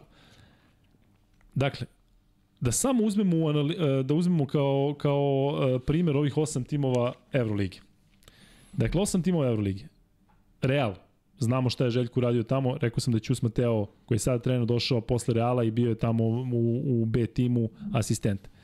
Uzeo je titulu sa, sa Realom. Videli ste kako ga uvijek dočekaju i zato mislim da i taj neki dojuče prijateljski odnos između e, Partizana i Reala pre svega jeste bio i zbog, zbog toga što je Željko uradio tamo, što je je Savić naravno igrao tamo, znamo koliko još igrača je iz Partizana prošlo kada se setiš redom i Lončar i Veličković, pa i Varda je bio tako jednu sezonu u Partizanu, Kuzma, U realu. o, u, bože, u Realu. E, ali pa i sad ovo, Real znamo šta je. Barcelona vodi Eskivičius koji je njegov igrač i njegov prijatelj. Makabi vodi njegov bivši igrač Odet Kateš. Olimpijakos, Olimpijakos koji ima traume od Željko Bradović zato što 15 godina su uzeli nekoliko trofeja i tek kada je on otišao su uspeli da se da se e, da se razmašu, ali jako bitna stvar, mislim da postoji veliki respekt zaista prema Željku Bradoviću kada govorimo na stranu sve navijačke strasti. Peti tim je Monako, Saša Obradović, Željko igrač. Jedini tim koji nema nikakvu vezu sa Željkom Bradovićem je Žalgiri, zato što oni forsiraju svoje igrače i Kvazis Maksvitis je čovjek koji, verovo ne, ima 45 godina, on daleko da ima kod je stariji od tebe, on bliži, bliži meni nego tebi. Pa, četiri, pa je stariji od mene. Sa tih 45. E, I onda imamo još koji klub nam je ostao, Real, Varsa, a, Maccabi. Fenerbahče Fener- i Tudis, njegov s kojim je radio njim? 12 godina. Ko je ve? Koje veze ima s njim? Ko? Željko. S kim? Sajner. Pazi sad, idemo dalje, možemo dalje. Nemoj samo, molim te. Evrokup. Bojim se za ove Vidi ovo. pesme, samo da ne, ne, ne počneš. Prometej nastao 2018. godine, nemoguće imati vezu sa njim. Ne, ne, ima moguće. Ko vodi Gran Canariju? Jaka Laković. Koliko je igrao u Panathinaikosu? Par godina. Ja sam igrao godine. kad je on igrao tamo. 2003. On je došao iz Krke Da. e, i ostao da jedno 2007-2008. Iz Ko Krke vodi? došao? Iz Krke. E, ko vodi Turk Telekom? U neki turčin. On je pomoćni iz Fenera. Can Erdem, koji je dugo učio od Željka i rekao da mu je ovaj bog. I koji još četvrti tim bio u Evrokupu Juventud, koji jedinu titulu ima sa, sa Željkom koji uz... Ne, pa, I onda kao, kakvu, kakva, otkud Željko kao ima takav uticaj? Pa zato što je nemoguće da, da sa bilo kojim klubom ga ne povežeš i, i da nema zaista tog nekog najiskrenijeg respekta. Dakle, nema Žalgiris koji forsira samo litanski igrači i nema Prometi koji je nastao prekjuč. I kraj priče. Idemo dalje. A, ja mislim da smo apsolvirali sve što se tiče Partizana. Do ponedeljka onda Do ulazimo u ponedeljka, analizu, Tako analizu povrede dalje. Da, znaćemo o čemu se radi i uh, naslov nam je ovaj, drugačiji od ovoga što smo sad pričali, ali ovo je stvarno tema koja zaslužuje zato što je se desila u u sred dana. Svi smo je čekali, svi smo očekivali nešto drugačije, ali ajde da se vratimo nekim... Jeste, i dalje se priča o tome najviše, ali hajde kada Da. smo već kod Euroligi, ajde molim te da prokomentarišemo i ovu pobedu Barcelona protiv Žalgirisa, mi nismo stigli to da ispratimo zato što smo došli ovde, znamo da smo gledali Jaba ligu, ali Barcelona pobedila Žalgiris mnogo teže nego u prvom meču i tamo je sada Da, 2-0. očekujem. Šta očekuješ u nastavku Pa, serije? ja Može? očekujem taj jedan, jedan, jedan Barcelona koja će želiti da završi, a ovi koji žele da se upišu, zašto žele da produže san o, o Kaunasu i Final Fouru, nisu ekipa za podcenjivanje i ovo što su odigrali, su odigrali poprilično dobro, samo što se radi o ekipi koja je ipak e, u, u mnogo, sa mnogo aspekata jača, ali jača čak i više od tih 7-8 pojena koliko je bilo. Prema tome verujem da će sve učiniti ne bili malo uh, produžili seriju. Ako dobiju tu prvu, svašta je moguće. E sad, ako izgube prvu, onda u četvrtoj teško da ovaj, mogu nešto da urade. E, Ne slušaš mi ništa. ne jel? slušam ništa ovde, čitaju nešto, pominju Petruševa, ne znam čemu se radi. E, Rekao sam, ako ovaj, Barcelona dobije treću, teško da će Žalgiris u četvrtoj moći da se vrati. dobro. A ti si da je rekao da je, neka- sve u redu. Dobro. E, Kuzma, koliko je, zaista često smo kritikovali Jaskevičevića, ali čini mi se da je u Žalgirisu relativno ostao sistem koji je on postavio i da oni nemaju ni mnogo neki drugi sistem, ali njegovo Ja mislim da poznavanje te ekipe... sistem, to je to, da, to je to. ali on je radio sa sedmoricom od ovih, od ovih 12 igrača i e, Lukošiunas je, ne Lukošiunas, nego ovaj Jokubaitis je tu, dakle, ipak da kažemo da poznaju i ovaj poznaje igrače i Jaskevičius poznaje igrače. Dakle, e, iskren da budem, nisam očekivao da Žalgiris napravi, napravi tamo jedan break. Da, ali da, sada, nije ali bilo- sada me bilo- ne bi iznenadilo da ode serija to, do, do... Upravo to. Pa makar do četiri, ali da. tri, tri, tri sad stvarno mislim da će se mislim da će biti fenomenalna atmosfera gore i da će svi želeti tu jednu pobedu jer taj san još uvek traje. Ništa nisu izgubili, oni su otišli igraju protiv Barcelone, mogli su samo dobiju nešto u tim utakmicama. Ljudi ipak su oni ovaj osmoplasirani, je tako? Nije Tako baš da je to sad bila neka realnost e, ludačka. Ali ovaj dok god postoji, ja mislim da se oni neće predati i što kažeš za taj za taj e, nastavak tradicije, ja mislim da postoji tako neki neka neka ovaj neka vizija kako treba da igraju ti timovi i vidiš da ne odustaju. To su i slične kretnje i slični profili igrača i onaj Milaknis i dan danas postoji. Postoji ovaj, postoji, znaš, postoje sve Mislim, kopije. postoji, ali nije tamo Milakis. Ne, ne, kažem, postoje te kopije igrača Da, da, koji jeste, su vrlo jeste, slični. jeste, da, dakle, da, to je jeste, profilisano jeste, tako, na jeste. to mislim, znaš.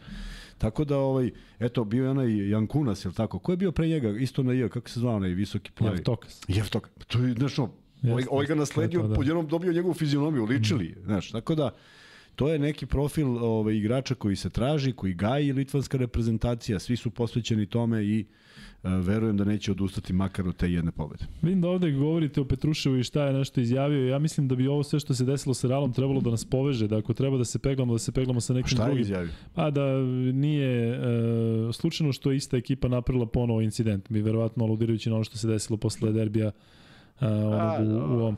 Ali, kažem, dajte bre ljudi da se bre ovde da sabijemo redove i da bre tu Euroligu koju očigledno ima i Zvezda, Part- Zvezda i Partizan imaju isti problem sa Euroligom, a mi ćemo između sebe da se rok. Potpuno nema smisla. E, Ja, znaš šta mislim? A Sad, ja mogu ja neko svoje mišljenje? ne može. Ne mogu. Pa, ajde, dobro, Aj. Mikse, da čujemo šta ti misliš Mikse? Aj, ništa onda neću. Jezi, neće se mišljenje. E, znaš Kaži. zašto? Sad, evo, sad mi prolazi kroz glavu. Ovaj, kada se desio incident uh, Petrušev i Lesor, izlazili su brojni klipovi na račun Petruševa. Kako je on uvek inicijator neke tuče. Pa je verovatno ovo sada, pazi, on ima samo 23 godine, nema, nije, nema to Da, iskustvo. izašao on sa William Reed. Ta, a on sad odgovara, e, evo i šta, znaš, sad ja odgovorim vama, evo ko je vinovnik. Sad ti kad pogledaš, opet je Lesor kažnjen. Ne zato što je on sad ne znam šta napravio. Ja čak mislim da je ovo u Beogradu bilo gore nego ovo što se desilo u Madridu. Ali mislim da je to samo jedan odgovor dečka koji je čitao sebi svašta nešto, takvi su danas ovaj, društvene mreže i da je samo odgovorio i ne treba pridavati značaj nešto preterano zato što ovaj, kon, u konkretnom slučaju nema mnogo smisla, kao što nema ni mnogo smisla u slučaju kada ga je Lesor odgurnuo. Završila se utakmica i nema tu šta sad više da se traži. Tako da zastupam da ovaj stav da Lesor nije, nije trebalo bude kažnjen sada, tada jeste i zastupam stav da Petrušev nije trebalo da bude kažnjen kao što nije bio bio kažnjen, a da li je prije radio neke druge stvari, treba bude kažnjen kad ih uradi i kada je to tako eksplicitno, tako da nema mnogo filozofije. Uh, ja se zaista nadam da neće više biti incidenata i uh, nadam se da Real ovde neće provocirati, a plašim se da ako im ne krene onako kako su zamislili da bi mogli da se služe opet nekim pozadinskim stvarima, ali uh, dobro, nećemo više u utakmici između uh, Reala i Partizana, naravno čekamo ponedljak pa ćemo onda da, da, da najavimo sve to. Radit ćemo i utorak. E, posle samog meča vidjet ćemo kako će biti raspored za sledeću nedelju. Ja se nadam da u četvrtak uopšte neće biti utakmice, ali ćemo u četvrtak imati podcast, naravno, tako da sve u svemu, ajde da se samo uh, saberemo i da ne pravimo i mi probleme u smislu sa tribine ili bilo šta.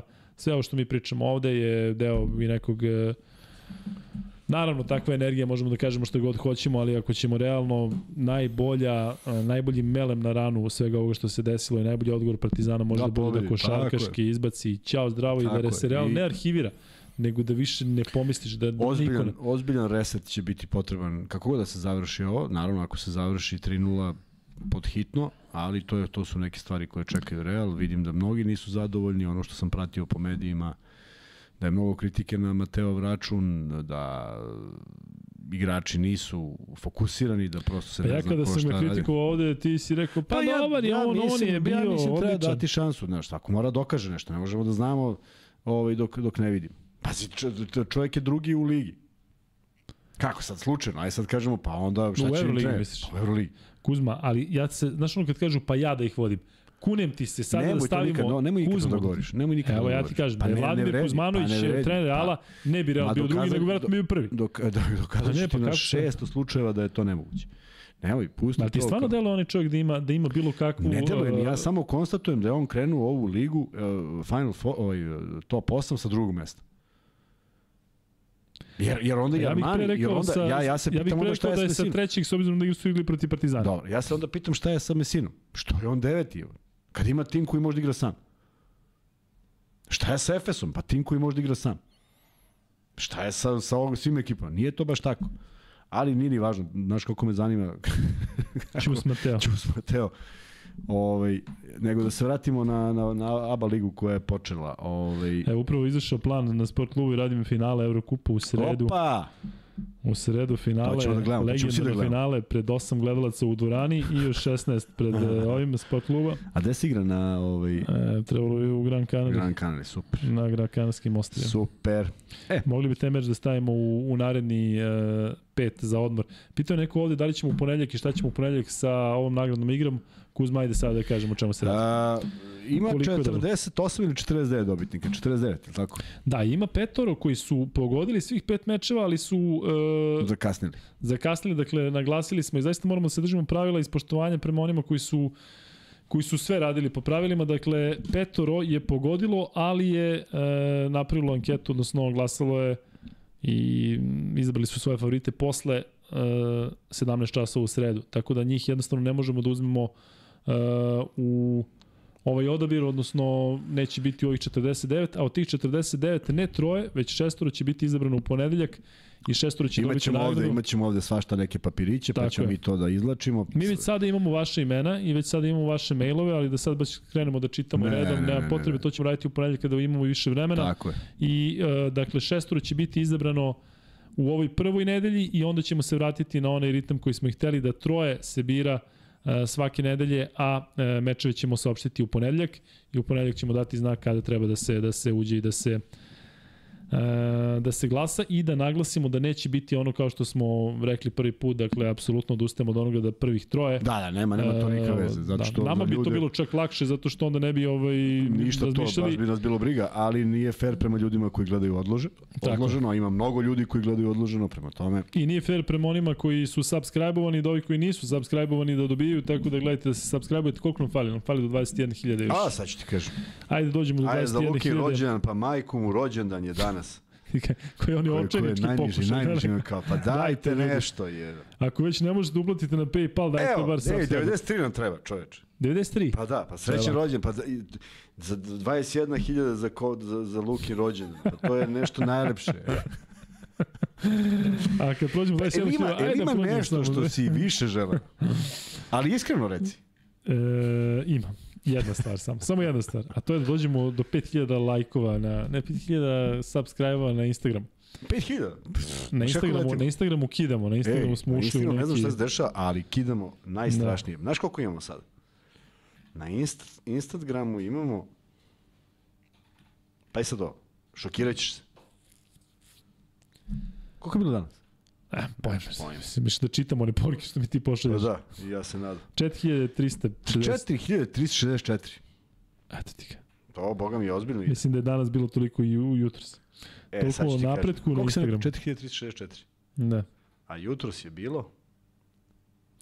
Požuri samo ovi što su od, od Pobegoše, subscribe pobegoše svi, jel da? Da. Jutros je bilo... Ne radi mi ovaj telefon. Ili ima neko telefon? Boga mi, bilo je 4352. Vidiš? 14 čak. Čak 14. Šta još imamo? Da, i luka i kuzma.rs, tamo možete kupiti stvari, kao i uvek svakog prvog ćemo donirati nešto od toga u humanitarne svrhe, a tamo možete da čitate i tekstove, možete da šaljete tekstove koje stavljamo tamo. Kuzma i ja pišemo o tome kako E, smo daj, se... pišite tekstove, da. Mnogo su se dobro pokazali, mnogo su bili Jeste. čitani. Dajte šta ste stali. E, S druge strane, tu pišemo naše blogove. Šta ste stali da čitate? Čitajte. Šta, kako se to znamo da ne čitaju? Ne znamo, čita se. Pa što kaže da što ne čitaju? Čuti, znaš, misle, Ne, mislim pa da se neki baci. parametar tu da ne, kao... Ne, da ne, kao, ali malo drame nije na odmet. Onda vrlo bitna stvar, uh, za mlađu populaciju, to su dečkići i devojčice od 10 do 15 godina, imamo, imamo ponudu majica, snizili smo cene, ide poklon u 100, tako da, ovaj, zato što smo naručili uh, mnogo tih majica koje uh, mahom naši, naši uh, gledaoci ne kupuju zato što su malo korpulentniji u godinama i onda onda obično idu XL i tako dalje. ja ništa ne znam ovo što Kuzma priča. Pa, sa iznenađenje za tebe, to je za rođen iznenađenje. Tako da imamo, da, da, imamo majice za, za, za ove klince. tako da, ne, pa nemamo za klince, ali Kolja je probao XS i njemu odgovara. Kolja ima, koliko ima godina Kolja? Kolja ima 13 Znaš, godina, ima. tako da ovaj, e, taman mu je majica, pa hoću kažem, to je ta veličina za taj uzrast. I mogu i devojke da nose, imamo i žensku populaciju, tako da pogledajte na tom sajtu, ima svašta nešto. U Imamo, izlazi- imamo i žensku populaciju, ne znamo više šta prodajemo i šta, čime se bavimo. Mi. Imamo žensku populaciju, idite na sajt, tamo imamo žensku populaciju. I, I u nedelju će izaći novi deo bloga, pa onda u sredu, to smo, valjda ste, valjda ste ovaj, videli da, da, da ide nedelja sreda, ako niste da vam kažem, tako da ima svašta nešto. To je trebalo sve juče kad smo imali 5000 ljudi live, ne sad kad ima 430. Ma, bili su fokusirani na nešto drugo, da sam pričao ovo, verovatno bi se o, Da, kao, nema, ne, ne o. Jabuseleu, nego Da, kao, e, da vam kažem nešto što ima od majica. kao XXL crvena. XXL, crvena. Da. Sad se prodaje. Tako je. Tako da, eto, ima svašta o- ovaj, novo, a Uh, uh, uh, u ponedljak se vidimo ovde sa, sa nagradnom igrom. I vi koji kupite majice iz Beograda ste velike su šanse O, da da. upoznate Kuzmu. Da, Kuzma danas je- sam isporučio nekoliko. Batistuta je dobio ovaj, uh, majicu. Pa Batistuta dobio dete. E, Batistuta je dobio majicu i Džemba je dobio majicu. Ja zovem Džemba. danas i kažem, da li je to Džemba? On kaže, da. U svakom slučaju, Jasno. još je da se pohvalim za još jednu stvar. Juče, a danas su se mnogi pohvalili da je stiglo, i danas, još se nisu pohvalili, pošto nije moglo da stigne, stići će posle praznika, nažalost, mislim da će da svi to sutra isporučuju, ali valjda je spojeno sve do nove godine. E, poslao sam apsolutno sve što ide van Beograda. Van Beograda. Da. A mi ne možemo i dalje da šaljemo van Srbije, tako? Ne možemo van Srbije. Znači, poslao sam sve što je naručeno van Beograda. Šolje za Niš, note za Niš, ovo za Niš, za Čačak od Novelja i tako dalje, i tako dalje. Tako da su ostali samo ljudi unutar Beograda, a to ću da ja to razvezem ovaj, prvom prilikom. Mikse, daj onaj pol da vidimo šta se dešava sada na ovom, uh, na ovom broju ljudi. E, ili imaš nešto, Kuzma? Hoćeš još jednom da ponoviš onaj e, SD za DS za u Smederevu humanitarni turnir? Ja mislim da to ne zaboravimo posle, a? Da. Da, A, da. iseko je, iseko je Luka. Od onoga što smo pričali pa je napravio klipić, tako sjajno. da fenomenalno. Juče je ovde nekoliko puta pokušavao da podsjeti, ja sam hteo to da ostavimo za kraj, ne bismo zaboravili naravno. ali mi je je negde da, došlo, smo- jest. Tako da ovaj, baš lepo. Da, kada dođemo do 500 lajka idemo na e, na prvi free bet koji će biti u vezi Partizana. Aleksandar Ritistić donira. Hvala puno Sale. E, ja da čekamo da dođemo kod tebe. To smo sebi obećali. E, I kaže veliki pozdrav za bojicu, pratim vas kao i uvek, ali nikako uživo da uhvatim. Majicu moram da naučim da naručim kad dođem pa da sednemo kod ljudi. E, naravno, ostaje ona utakmica i jedva čekamo da se družimo sa vama. Žao nam je što sigurno neće moći svi da se okupe zato što sigurno nekome neće odgovarati ili neko nije u tom trenutku u Beogradu, ali jedva čekamo zaista da se vam igramo basket, da pričamo, da vidite koliko je ovaj sve ovo što radimo ovde, koliko to u stvari jeste prirodno i da smo takvi I, i e, ovako, Milan Jeftić donira, hvala puno Milane. I, Koliko, e, koliko donira? Miki Jeftić donira toliko da ono da je davo po evro. Ja mislim da Miki je od Miki, 70 Miki, Miki, Miki rekorde, da. da. Miki, Miki ima 27 krune, to mu je ovaj, neka mera i verovatno to nešto ima. I kaže sve za ljubav, sve za partizan. Uvijek ima sitno u džepu. Tako je.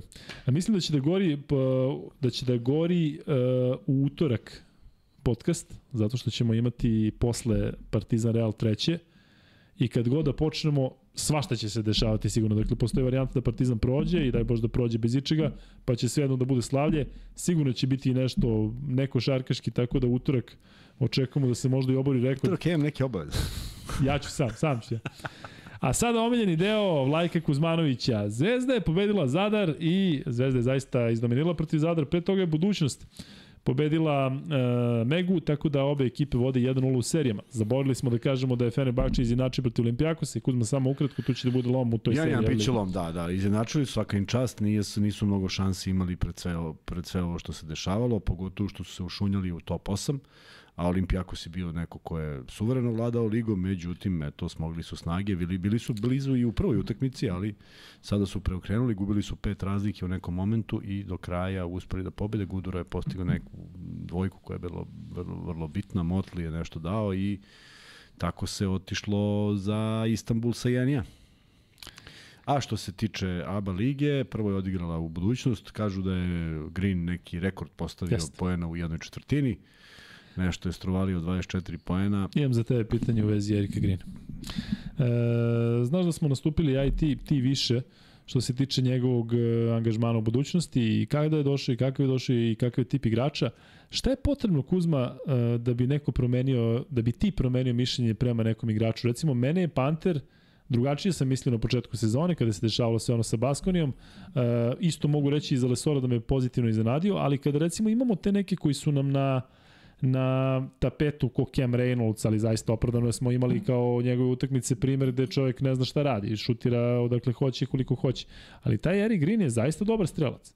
I on, e, za, zašto govorim, jel bi trebalo da on bude neka, neka opasnost po Partizan ili Zvezdu ili neko na koga bi trebalo više obratiti pažnju u smislu da smo ga možda i pocenili? On će biti vrlo verovatno neko ko je tu koš getter profilisan, ali i Reynolds misli da je taj.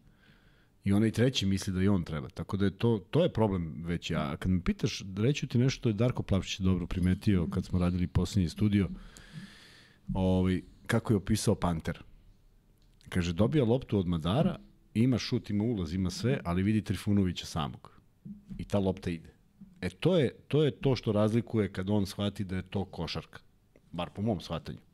Iako konkretan primjer, ja bih više volio da je on otišao na prodor. Zato što je Trifa bio isuviše sam, nije bio pri šutu i taj pas njega ubacuje u problem jer ne mora da uzme šut, nema šta da uzme loptu i da stoji.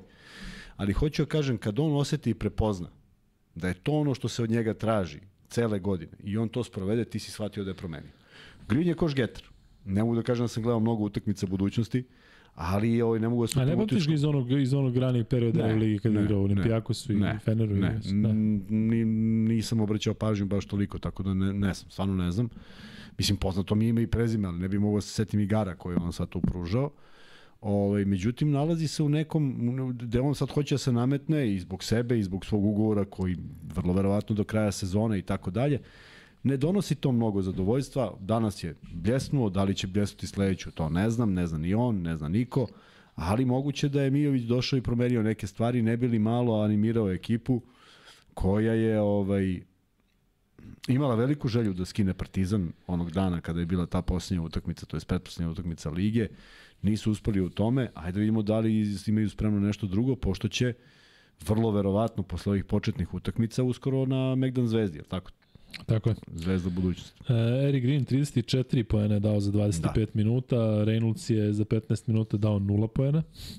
E, 20 poena Kamenjaša koji zaista igra dobro i e, O'Brien koji je onako zaista propustio mnogo. On je imao takve povrede koje su ga ono i više od jedne sezone e, držale van terena. On je dao 11 poena, a da pohvalimo i e, učinak e, Popovića koji je bio jako dobar u odbrani i on iskupio neke poene e, i to je otprilike to. Budućnost je, da kažem, pregazila Megu, Mega koja je davala otpor samo u e, nekih prvih 12 ili 13 minuta i u tom trenutku je vodila i onda je Eric Green dodao Gas. Dodao gas i drugu četvrtinu je budućnost dobila rezultatom 35-15 i tu je praktično utakmica bila prelomljena. Da, i da vidimo, možda će to ne doneti nešto novo u igri budućnosti, možda ima neko ko je sada taj koji će biti glavni, ali to prosto mora da se zna. Mislim da je, da je povratak trenera jako bitan faktor, zato što su tu sigurno igrači koji mu veruju i već je stvorena jedna lepa energija od ranije, Ajde, dakle da nemaš da. neko poznavanje, jednostavno samo treba sa ovim novim igračima. Pa evo, vidjet ćemo na utakmici u Beogradu. Da. Vidjet ćemo utakmici u Beogradu, da li to budućnost završava sa 2-0.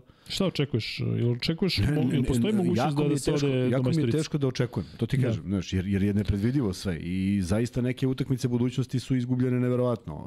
U Evrokupu identično kao prošle sezone, sa trećeg na sedmo mesto ili na šesto mesto padaju neverovatnom brzinom od toga neka utakmica, da li je bio Trento, ko je bio, nešto, nešto neopisivo je izgubljeno. Tako da, to su zaista momenti kad se pitaš znaš, da li koliko ta ekipa može, a onda neko odigra ovakav mečik, pokaže ne da može, nego da pritom igra protiv poletnih mladih igrača koji Jeste. su puni snage, brzine, treba se nadmetati s njima da, da. i treba ih nadmudriti. Tako da, ali da vidimo kako ostatak ekipe reaguje na to, pa, pa vidjet ćemo. Ja po ovoj utakmici, po toj statistici koju smo gledali, po njegovom angažovanju, trebalo bi da kažem da će biti 2-0, ali nikad ne znam šta da očekujem. Đurišić je imao 17 pojena, međutim imao je mnogo izgubljenih lopti danas, tako da e, vidjet ćemo šta Mega može u tom narednom meču i e, Kuzma ne bih se više zadržavao na toj seriji, dakle, eto, ja se pre svega nadam da će budućnost imati na većini utakmica približno onakvu atmosferu kakva je bila protiv Partizana, naravno da su to bili i navijači Partizana, ali jednostavno pokazalo se da može, samo zavisi od protivnika i neki su atraktivni, neki nisu atraktivni, ali valjda postoji ono jezgro navijača koja će doći ovaj, uvek, a izgleda da to u Morači ove sezone nije baš Ni. neko, neko jače jezgro. Tako je. E, Uroš Raleti česta rođendan, kaže srećan rođendan Luka. Hvala puno, hvala puno i na donacijama i svima vama koji ste mi čestitali. Maja donirala, Maja čestitala, hvala puno i Grobar u Jug 95 koji kaže srećan ti rođendan Luka. Nadam se da ćemo slaviti Euro titulu još malo, strašno pet utakmice za onog klovna, nije sve fair, vidi se da hoće da guraju ovog kralja, ali neće proći. Iskreno ti kažem da zaista mi je teško palo e, taj prelazak sa onakve košarke na priču o a, rvačkim zahvatima. Tako je, potpuno. Dakle, jednostavno, potpuno... ba, baš me onako pogodilo, jest. iskreno, da, da sam bukvalno bio u fazi da, da niti sam, ja sam bio besan, ali kad to prođe, onako ostaneš... Onako, nisi baš bio mnogo besan. da. E, možemo misliti danas kada sam vidio ono 5, 2, 1, 1. Da, da, da. Znači idem ulicom i, i bukvalno mi je loše. Znači osjećam kako mi se obrće želudac. Zato, iz jednog jednog razloga, zato što znam da će treća utakmica sada biti e, opet predstava neko šarkaška nego vrlo nego moguće da ne znamo nadamo se neće ali vrlo moguće da hoće. a da će pokušati glavni glumci ponovo da budu ovi kvazi kraljevi. Inače nadimak za Jabusela je koji? Jabudala Sele može. Dakle, u budući Jabudala Sele, ako ga pominjete, ne trebate, nema više Jabusela, već Jabudala Sele. E, s čim se ja bavim, sa Oliverom Da, malo, malo, ovaj, malo si za strani? Ne, skrenuo sam. Priznajem, zbog Natalije Nisam navikao od tebe. E. Morat ću da ovaj, cenzuru udarim na ovaj... Na ovaj, na, da, kad budemo... cenzuru, da, inače nisam izgovarao takve stvari do sad, jel? Kuzma, a, aj, sad ti brilješ. Sa, red, daj mi, daj molim te. Lazić, slušaj, znaš što je uradio čovjek danas? Lazić, a te Kuzmić? Kuzma, Zvezda je počestila Zadar 100 prema 73. Ono što je mene prvo, prvo mi je palo na pamet kada sam video kolika je to razlika i šta se sve dešava, to je um, kako može sve u jednoj sezoni da se promeni. Ta isti Zadar je pobedio tu istu, da kažem, istu zvezdu, postigavš i koliko 105 poena ili koliko se dali Zadar je pobedio, pa kažeš aj džene džene, tu je tu je među osam, ali je pobedila i Cibon. Da. To je veća misterija, a vrlo slične utakmice. E, Zvezda je odigrala prvu četvrtinu onako kilavo, nešto samo pet Jest. razlike, međutim do kraja je to sve raslo i videlo se da nema Zadar čime da raspolaže. Vrlo su atipična ekipa. Pet kad zarotiraju, ne znaš ko je uopšte na kojoj poziciji, svi nekako slično građani. pokušavali su, imali neku inicijativu, bilo je tu nekih lepih poteza, pružali otpor, čak i zaustavili neke zvezdine napade. Bilo je nekih nesporazuma u zvezdinoj igri, ali kažem, to je sve došlo na svoje i u suštini svi nekako koji su igrali ovaj su ostvarili ostvarili i dobar učinak i zadovoljili te kriterijume koje ima koji ima Ivanović. Ono što je bilo interesantno u onom momentu, pošto sam ih gledao bez tona, ovaj, Si uključio si naš podcast. Ne, ne, priklju, ne, ne, priključio sam na, na monitor i sad priključen je i deči neki tamo ovaj, PlayStation i ne, ne mogu, ne, ne znam kako uopšte da, da, da čujem bilo šta. I, ovaj, I u jednom momentu gledam Nedovića, šutira majestralno neke trojke, onda jednu promašuje, drugu promašuje. I izlazi statistika. 13-10. Sa te dve promašene imala Zvezda trojki u prvih 20 minuta. To je I posle otišlo na 21-12. Da, to je da baš ono je palo na... na... Ali nevjerovatno ti u jednom momentu imaš taj procenat sa te jest, dve, znači 11-10 je bilo. To je... A nisi primetio, znači nisi... nisi... Ne, vidim ulaze, ne, vidim ulaze, ali kažem ti nema tona, da. pa ne čujem šta priča, pa sad neću da ih brojim, baš nisam ko blesao. Ali, ovaj, Vrlo interesantno koliko je to bilo precizno i bilo naravno dobrih akcija i svega. Mm, mislim da je Ivanović apsolutno sve igrače iskoristio. Povratak Bentila nije bio loš, bilo je tu nekih dobrih poteza. Ovaj Martin je bio dobar Niste nekim... verovali da će Kuzma ovo da da izgovori pa, ne, ne, bilo je korektno zato što znaš, očigledno da je shvatio da treba da se kreće, šta treba da radi i kako treba da izgleda to što se od njega traži. I vrlo je bitno, evo sad, pazi, sad pravimo potpuno jednu jednu digresiju. Ovde, ovde, ovde pričaš o nedostatku igrača za sledeću utakmicu. A ovde ipak pričaš o nečemu da je opet raspoloživost igrača veća. E to su to su ipak neki momenti koji su vrlo bitni, pa zato kažem da je za Zvezdu dobro što što se se svi igrači uključili, što su svi zdravi na kraju krajeva i što je ovaj utakmica bila ovaj, e, dovoljno, dovoljno dobra. Možda je tu bilo nekih padova na, na koji je Ivanović alergičan, ali generalno... Da, ono na minus 25 kada je tražio da, time da, out i da. ostalo kada pa vidiš da primeš što... trojku, a nije trebalo da primiš. Nije da su oni sad izgradili nešto da su te nadili, da, već ispadanja bez veze, pad koncentracije. Upravo to. Tako da ovaj što se učinka tiče, ajde mož, možemo da ga preletimo jer ovaj ono... hoćemo da se zahvalim još jednom uh, Grobaru koji je još jednom donirao i rekao da mu je strašno žao Egzuma zato što je fantastičan igrač i čovjek.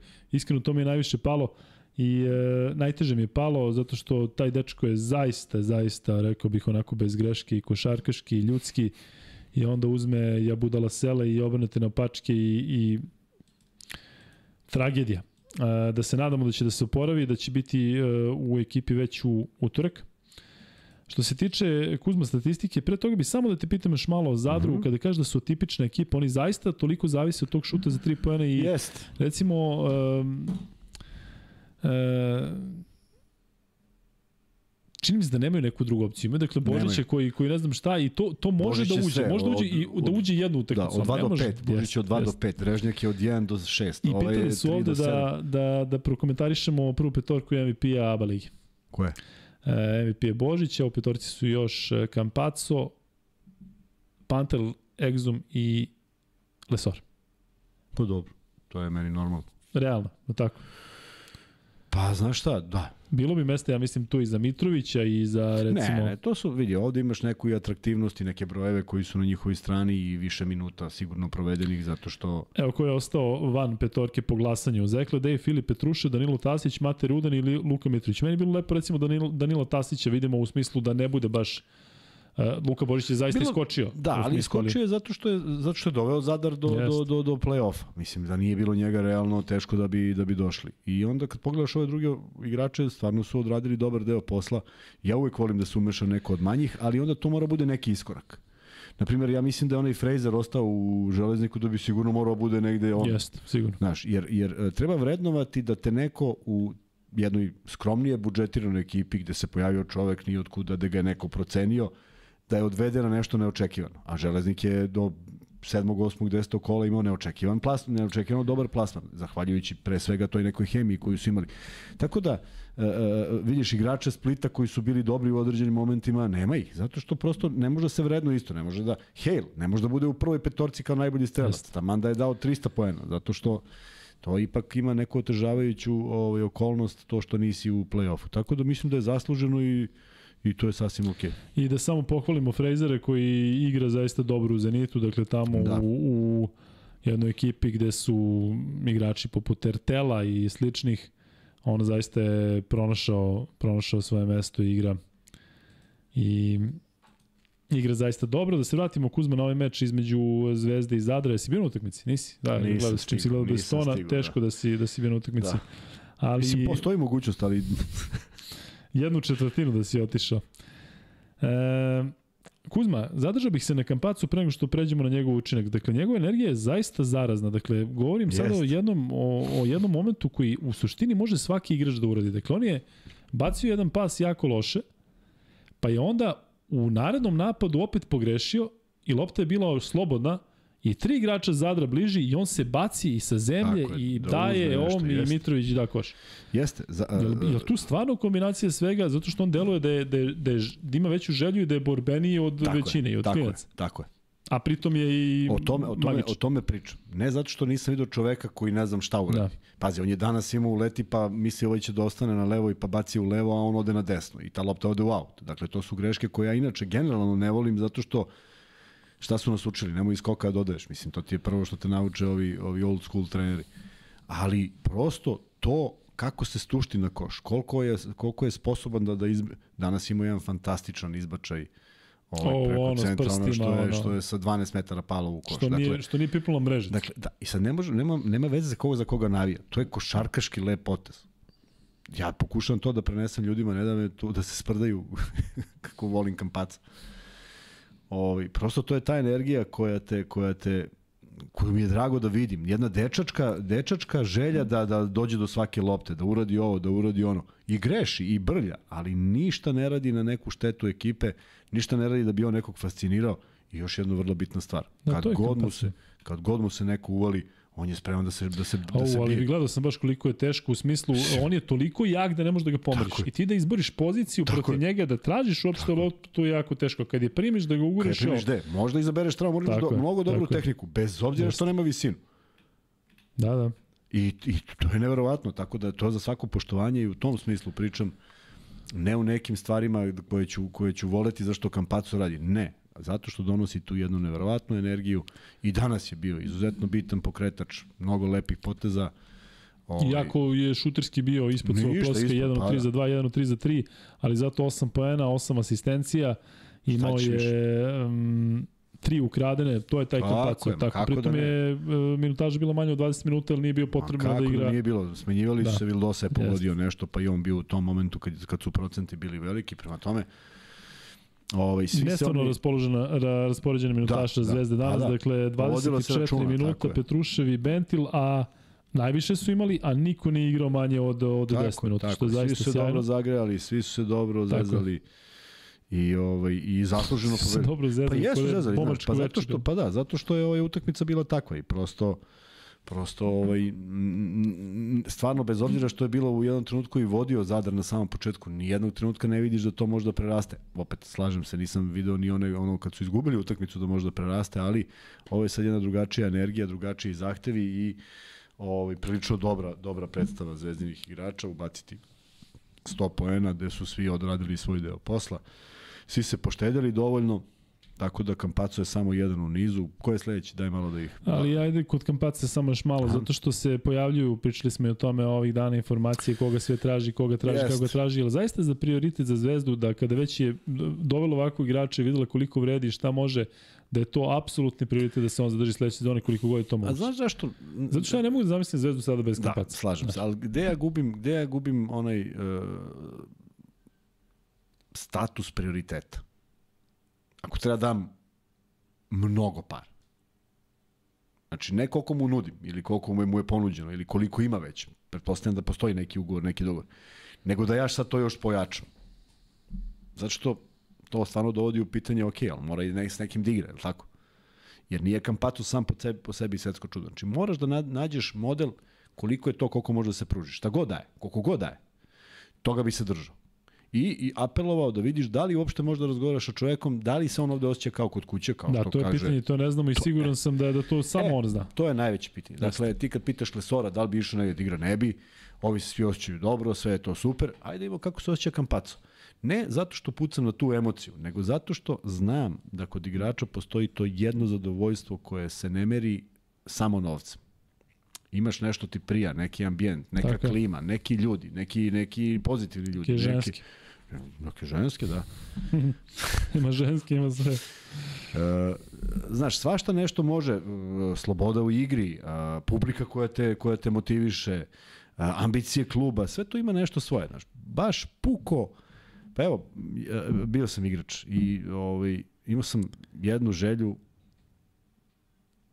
na u onim momentima kad je već trebalo da tražim inostrani angažman. I ja sam zamolio menadžera, mogu reku, samo te zamolim nešto, šta da mi ne nudiš?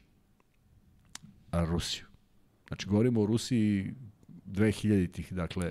Sad smo ga najbali, sad kad krenu ovde. Ne, ne, slušaj, slušaj zašto. Slušaj zašto. Ne da što sam imao neku koeziju prema Rusima, daleko od toga. Sad. Nego što ti kad treba da igraš Moskva, Vladivostok, ti bre putuješ bre koliko hoćeš. Tad nije bila ova nova avijacija, nego tu poljevi, pa ne znaš da li, da li ćeš dobatiš. Mene to nije zanimalo. Zaista me nije, nije bio novac koji bi pokrio moje osmočasovno sedenje u avionu. Na šta me on pogledao i kaže, pa znaš koji je novac tamo? Pa ja kažem, znam, ali stvarno me ne zanima. Čovjek može da sedi i da radi podcast 6 sati, a ne može 8 sati aviona. Ne može, prosto nešto ne voliš. Ne volim da igram domaću ligu, a letim, letim na kraj sveta. Eto, tako nešto. Tako da, eto, nisam, nisam želeo i nisam se pokajao nikad i izabrao sam te klubove koje sam izabrao i svuda sam se osjećao, osjećao dobro i pokazao i ono što treba da uradim za taj klub i neku lojalnost i svašta nešto. Bilo je uspona, bilo je padova, ali moraš da imaš neko zadovoljstvo gde igraš. Koliko god je u Beo banci bilo nenormalno teško izdržati trening. Ali mi veruješ da ja u karijeri nisam spavao nikada, sem ta dva meseca u Beo banci. Ko mi nisi spavao nikad. Nikad popodne nisam spavao. Aha. Ja dva meseca u Beobanci nisam mogao da preguram. To je neki avgust, septembar. Znači vratili smo se s priprema, u stvari septembar, oktobar. Ne, ne može, ja moram da spavam. Koliko je bilo naporno, ali je vredelo. I naučiš, naučiš mnogo stvari i budeš bolji i sve to. Tako A da, vidi ti se, još, još držiš tu liniju iz Beo banke. Vidiš da je još sam, ostalo u, ono. još sam u stavu, da. E, Kuzma, e, za Kampaca smo završili što se tiče Nadam se, statistike. nadam se da Zvezda nije završena priča. Prvo zato što bih volao da ga gledam uživo, bez, bez ikakve dileme. Nadam se da nije završena priča zato što mislim da se ovde malo iznenadio kako je primljen.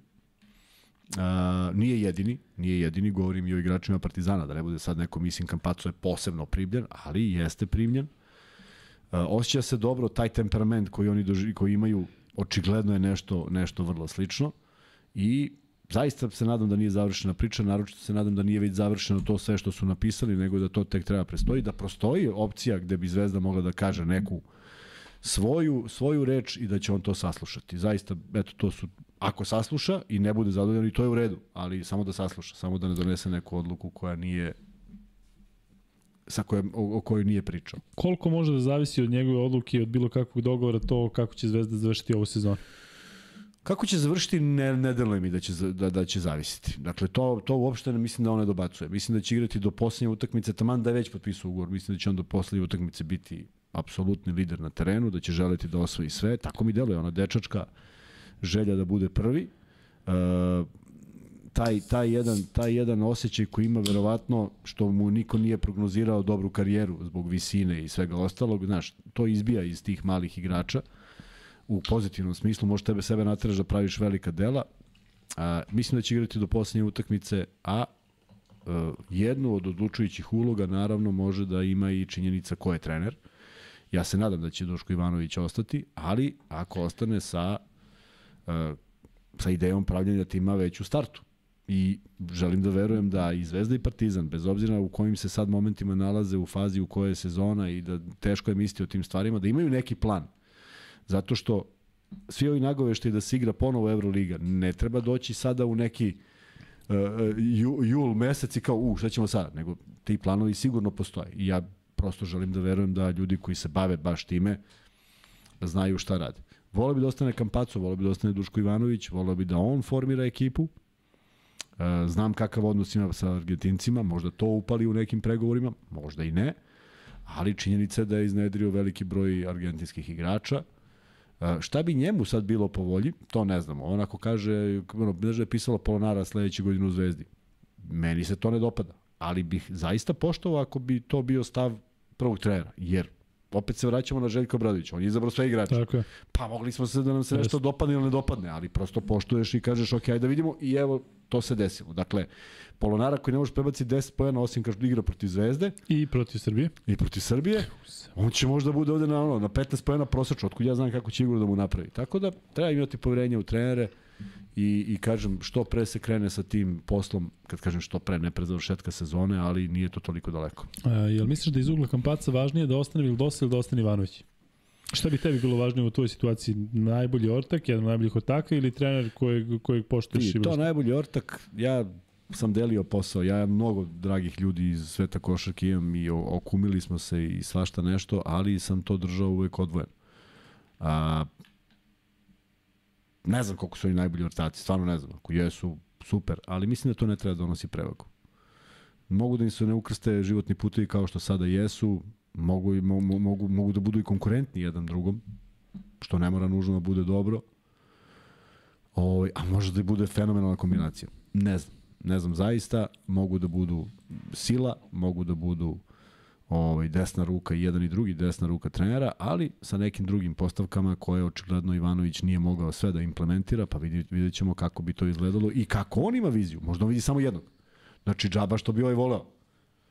A opet ne treba rizikovati uh, ni, ni svoj neki status zato što tvoj ortak možda neće biti u ekipi, tako da to, to treba odvojiti. Znaš šta, plašim se da ako ostanu Vildosa i Campazzo, super bi to bilo za Zvezdu, ali da nema tu onda mnogo prostora za Topića, za bilo kakvog... Uh... Mislim, da, mislim da on mora bude treći, apsolutno, u bilo kojoj konstelaciji. Da li je Campazzo, Pera, Patopić ili Mika Patopić, potpuno sve jedno. Prosto... Pe, Pera, Mika, Patopić, to deluje... Da, to, tako je. Kao onako. A, ovaj, I nadam se da će, da će biti. I prosto ne mogu da zamislim da on ne bude, ne u 12. Ne mislim da treba bude u 12, pa čak na utakmicama nekim i u 12, ali ovo 14 i ne u 16, nego u 14. Da on bude već neka opcija zato što uh, postoji ozbiljno dobar broj utakmica, kao što je, na primjer, ova protiv Zadra, ne zato što je u play-offu, nego eto, kao da je to ligaška utakmica protiv Zadra, da ne verujem da bi odskočio mnogo od onoga što se traži. Vildosa 8 poena, dve trojke, šutnu dve dao, obe preko ruke, igrao malo, neki 16 minuta, mislim malo, jasno zašto malo. Tri asistencije i ukradena, Je li imaš nešto da dodaš za Vildosa? Ne, sve to izgledalo prilično da. dobro. Ti šutevi jesu malo čudan izbor, ali pogodio je, pa onda ne možeš ništa da kažeš. Yes. Međutim, bila je ona jedna dvojka lepa kad se lepo oslobodio, baš onako ko kap izbacio. Tako da, ako je on u elementu, videli smo da, da, da ga sve ide, uh, kažem, nije po mom ukusu izbor šuteva, nije bio ni onda kada smo pričali o njemu u superlativu, e, nikako da koriguje to. Eto, imamo dva primera, Panter u kojem smo pričali pa je korigovao, pa sad uzima i kad uzme težak, kao što je uzeo protiv Busela, ti, on ima dovoljno samopouzdanja, ali to raste iz nekog poverenja u ekipi. Uh, Tako da volao bih da imam Vildosu u što jednostavnijem izdanju. Nekad mi deluje da zakomplikuje ceo, ceo, celu situaciju. A što ti kažeš kada završi, a, uopšte, nema šta da mu e, kažeš. A kada završi ti se posle pitaš kako je ovo bilo. Vidjet ćemo. Lepa dvojka, taj mi, taj mi se iz, iz, izraz sviđa. Bi dao jednu lepu dvojku. Da, naskočio i kao kap. Ali znaš da je između lepa dvojka i lepa devojka samo je... Mo vidi, ima tu svašta nešto. Potpuno drugačiji. E, dobro, najefikasniji u Zvezdi je danas bio Filip Petrušev sa 16 pojena, 5 od 7 za 2, 2 od 2 za 3. E, u toj seriji trojki da zaista je sve ulazilo, ali Petrušev, e, onako rekao bih, rutinski. Uh, jedan od momenta koji mi se dopao, koji nije upražnjavao ranije, pa neka me neko podsjeti ako, ako misli da grešim, ima, imao je, igrao je leđima, ne mogu setim protiv koga, i taman se okrenuo da izbaci loptu. I onda neverovatno, ali je napravio još jedan korak. Znači nije stao da izbaci, nego je još jednom zarotirao, jer njemu apsolutno u tim pozicijama nedostaje taj još jedan korak. Šta ga je nateralo to da uradi, ne znam. Možda je shvatio da Muka može da napravi još jedan korak, ali mislim da je to pravo rešenje. Jer on nekako u tim polu horozima sa te visine ne bi trebalo da promašuje. Ne bi trebalo da ispadne iz ravnoteže. Baš zbog tog nedostatka. Znači, tap, tap i kao Mitović što ima. Tap i dođeš u bolju poziciju. Da. E sad je uradio to, sad ne znam da li je to bilo mahinalno, ili je rešio da malo nadogradi, što bi bilo krajnje vreme, da tu, u tom segmentu budu sigurni. Da li shvataš koliki je on kada su, kada su uđe ispod koša i kada uskoči u reket? Pa to je stvarno pitanje Znaš, samo treba baciš na obruč loptu. Tu mora da bude bolji. Ne, nemam problem sa šutiranjem trojke, nemam problem sa njegovom skočnošću, sa Što da skidanjem imaš kad lopti. čovjek šutira 2 od 2. Pa jeste. Ali, ali imam problem samo tu da tu bude konkretniji, zato što su to vrlo bitni poeni kada, znaš ono, kad sve stane, ništa ne ide, a ti imaš taj način kako daješ poen. E, to je vrlo bitno. Inače, u mnogo segmenta je bio sasvim korektan, dobro branio, dobro skakao. Nije to bilo uopšte loše. Marko Milosavljević donira, hvala puno Marko. A, Sledeći igrač je um, uvek sjajni Luka Mitrović. Luka Mitrović je danas uh, jako lepo koristio levu ruku, to sam video. Vidio Jest, sam da je, da jest. je uh, sa sudijama imao nešto da mu sudija objašnjava ne možeš ovo, pa ne možeš ono ko da, a ovaj, mislim da ne postoji neko bolje poznaje košak od njega e, među sudijama. 13 poena Luke Mitrovića za 17 minuta, slobodna bacanja, ono što je mene i Drago je šutirao najviše danas u Zvezdi i pogodio sve, 5 od 5. Kuzma Mitrović standardno dobar, ili Da. tako? Nema šta da dodajemo tu Ne, mnogo. ne, baš, baš, sigurno, A, tapa, tapa, tapa, mislim da može je da, najsigurniji igrač on može iskoristiti 8 driblinga da dođe u dobru poziciju, tako da sve je okej. E, Lazarević, Kuzma, 17 minuta, 5 poena, 2 od 2 za 2, nije šutirao za 3, čovjek je bez promaša, 1 od 1 da, sa penala, ali, bio dalje odličan, neka... Bio, ne, bio odličan što se energije Jeste. tiče. Ali u zaista. reketu, kad uđe u reket, nekako kao da ima neki strah. Uspaniči se, uspaniči se, jeste. Treba da ima više slobode, to je sastavni deo promašaja, on ne treba da izgubi loptu. Tvrdo da, deluje, baš je, tvrdo. Tako je, tako je. Međutim, ta presečena lopta na, na, na, na čistu energiju, polaganje sa faulom, sve to što je uradio, jako korektno. U odbrani, u odbrani mora da bude malo, da, da, da već zna iskusnije da se postavi. Ne možeš ti sad do sutra da igraš odbranu na tom nivou. On čuva čoveka, čuva i taman taj posljednji korak kad on treba da se odmakne, on ga, on ga on napravi faul na, na košu. Dakle, mora već da koristi malo više to neko iskustvo šta se kad dešava, ali zaista mislim, bez obzira na, na, na, na te neke nedostatke koje ima, da je vrlo bitan igrač za, za ovaj, te defanzivne zadatke i kad se nekom zalepi. Stvarno je muka i taj Božić je dao svoje poene i sve je to bilo dobro, ali Znaš koliko je igrao Božić danas? po jedno 29 minuta. 40 u glavu. Stvarno, nije izlazio. Svih 40. A, Šest izgubljenih, ali de, delovalo je da je on hteo da se dokaže, međutim protiv Zvezde baš ne može da igraš sam. nema, nema, tako je. Tako da on jeste nabacio neku statistiku koja je približna tome. Pa jeste, ali za tih minuta, za te minute Jeste. i treba sa svom slobodom koju ima, tako da. 18 poena ukupno, 5 asistencija, 5 skokova. On je inače, zaista da ga pohvalim, on je oborio indeks u proseku ikada u ABA ligi e, i zasluženo MVP i što kažeš najzaslužniji što je Zadar uopšte u ovoj poziciji da igra u četvrtfinalu, ali ipak protiv Zvezde i jednostavno je ogromna razlika. Ne može jedan igrač kakav god daje, koliko god je dobar e, da, da, da napravi da napravi sam nešto. Tako da, realno je Kuzma, ajde, prekidamo sad ovo sa igračima, ali zaista je realno da Zvezda tu seriju završi, završi u narednom meču. Tako. Da. Dakle, Dakle, da, bilo, bi, tu- bilo bi krajnje neverovatno da se da se bilo šta desi. Uh, jazine, nadam se da će, volio bi da budu Jazine? pune. Pa li Jazine? Pa mislim dobro, Zadar. Pa Što ova nova Jazine, da a? kreši. Aha. Pa kako miš Jazine, Jazine su one stare. Pa dobro, Krešimir Ćosić, Da, da. dvorana. Pa dobro, to mi je ostalo Jazine od ono, ceo život smo tamo. Pa. Od kam, kamenja, tamo palo kamenje u Tamo je palo kamenje, da. Uh, nadam se da će, biti, da će biti onako puno kao što je Partizan kad je gostao u, u Splitu. To bi bilo lepo da vidimo jer ovo može da bude i posljednja utakmica play-offa za, za Zadar. Tako da bi to bilo lepo da, da neka poruka bude da, da se neke stvari vraćaju u normalu što se tog segmenta tiče da Zadar pokuša sve što može, ako može nešto više, zašto da ne, ali ovo što je Zvezda pokazala večeras deluje da je jako teško ovaj, pobediti i moram da kažem da, da, da mi je utisak da a, tu utakmicu koju smo gledali u Beočinu, Cibona Zvezda, ako se sećaš, da je Zvezda sad jedno, jednu ono, svetlosnu godinu udaljena Jeste. formom koju ima, ipak to nije ista ekipa, tako da mislim da bi sve bilo iznenađenje vezano za Zadar. A onda dolazi verovatno budućnost i jedan izazov koji sigurno neće biti podjednako lak kao ovaj. Koja je fantomska rečenica. Tu utakmicu Cibona Zvezda koju smo gledali u Beočinu. Da, da, da. I potpuno, zamisli neko sad se uključi Da. prvi put i kaže Šta rade ljudi? ajde ovi su- su nadrogirani, nadrogirani da, ovaj, da mi ne uzimaju mesta. Hoćemo dalje, Kuzma, ajde samo da ubrzamo malo zato što momci moraju da rade Ko bre NFL radi? draft, a mi moramo da pričamo malo i NBA ligi zato što tamo Pa kad, kad Ovaj- možemo da radimo? još pola čuke. Sve, malo ti je dve, dva i po sata, navikao si na više, a? Neće da leti tu poljevima. Daj bre free bet neki čoveče, ima 500 ljudi ili nema? E, 482, čim E, bude ne mo- 500, e, hoćeš ne ti, hoćeš free ti free bet prvi. Neću. A ti bi samo da ja postavljam, Samo ti da pa odgovaraš si, na ti si Instagram. fibre, free betaš.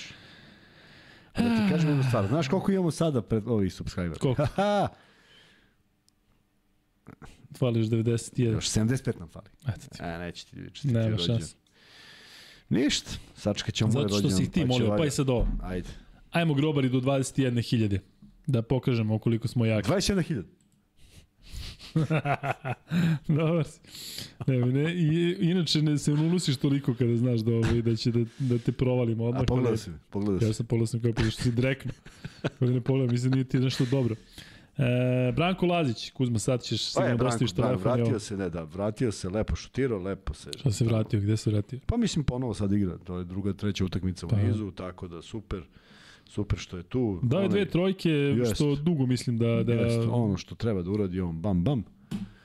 Nije dugo i kad je, kad, kad je došao ponovo, ponovo je pogađao. Ima on dobar procenat trojke su, to sam ubeđen. Verujem ti. Da, ću da, da, baš. klikćem sad na Lazića, Sad baš će, sad će. verujem. Ali ovaj opet naravno u odbrani onakav kakav jeste i vrlo je bitno da je kapitan tu. E, da, još jedna otežavajuća okolnost, sad kad izgovorih kapitan, još jedna otežavajuća okolnost za Pantera je ta što je kapitan. Da, potpuno, znaš, nije smeo da reaguje. To je još jedna od stvari koja, koja zašto jesi? Baš zato što si najsmireniji. Ne može da je kapitan da bude I možda daš svoj primer. Tako. Upravo to. Um, dok Kuzma traži Lazića u Sad ću, statistiku, sad ću ja, nemojte ništa brinuti. Kadar na mene Ne, obrazno, ovde- ne, ne menjaj na luku, samo pazi, ovde e, zaista deluje kao da imam nešto protiv Lazića, a u stvari je sprnja tog čoveka iskreno Ja, najviše znam, ja poštujem od nikad svih. nisam mislio da imaš. E, tako Ko da, neko kaže ovaj, tu, oj, Pa da, kao ovo- unsubscribe buj ga. ne primamo PayPal tvoje donacije, znaš, ne primamo, vraćaj. Nećemo primiti. E, Dobrić, Kuzma, danas je delovao na momente dobro, možda malo više promaše za tri, ali e, ono baš što sam ja vidio, ja sam vidio obe njegove trojke, ove, ove promašaje sam ili zaboravio ih nisam vidio, ali 11 minuta, 8 poena. Da, ali dobra je njegova energija i dobro Jeste. zalaganje i sve to nekako izgleda onako standardno. Naravno da mu mnogo zavisi kako otvori utakmicu, to se to je evidentno, ali nadam se da će da će biti pravi u, u nastavku do kraja i da će to biti sasvim okej. Stefan Marković 5 poena za 10 minuta, a njegova trojka ušla onako baš čisto. Ja nisam navikao da on daje trojke bez koski zbog tehnike šuti, zbog luka, zbog rotacije, Pa jedno zbog je svega, ali je bio je... istek napada, ali drugu je... Jeste. Da, evo viš, Lazić, 40,7. To uopšte nije loše. Mm, Je li vredilo to što si 5-2, pet, pet 5-2, klikova? i 5-2 pet- još. E, Ivanović, Kuzma, 12 minuta, 3 poena, naravno nije realno da bude na bilo kakvom nivou Sasvim, to je sasvim solidno, da, ono Ali je bilo ono jednostavno- majestralno, da, ono je Jednostavno, odlična nema mesta ovde za njega za nešto više. Dakle, on možda ima Pa možda... kada, kada jeste, kada su Da. u ovom, vidiš koliko je bio, bilo sloboda, on je opet Jeste. iskoristio svoju minutažu i nije ni ispadao iz igre, sve to imalo dosta smisla, ali vidiš kad je, kad je mnogo igrača, naravno neko trpi. Neko trpi.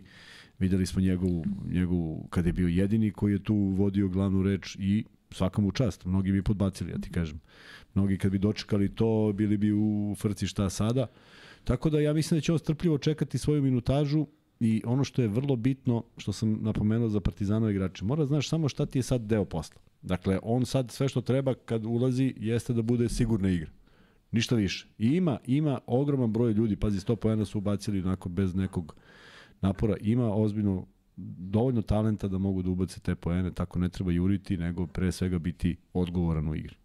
I to E. traži, to traži 100%. To, to je to što traži. Traži odgovornost. Tako je. Znači nemoj da pocenjuješ, nemoj na 25 da ne igraš odgovorno i to sve ima mnogo smisla. Lepo videti ga da je ovakav kako jeste nakon svih onih problema Vratio sa da, da, povredom, da. mislim da je I mentalno povreda, njemu bilo potrebno. Znaš, on, on kad se poredi, ono dolazi ili dosta, dolazi kampacu, ne znaš gde je bio. Svi dolaze, on se vraća Jeste. na teren, to nije to, onda uđe minut pa ne uđe, pa onda utakmicu ne igra, tako da baš je bilo ovaj uh, nije bilo uživanje gledati ga, ali eto izdržao je.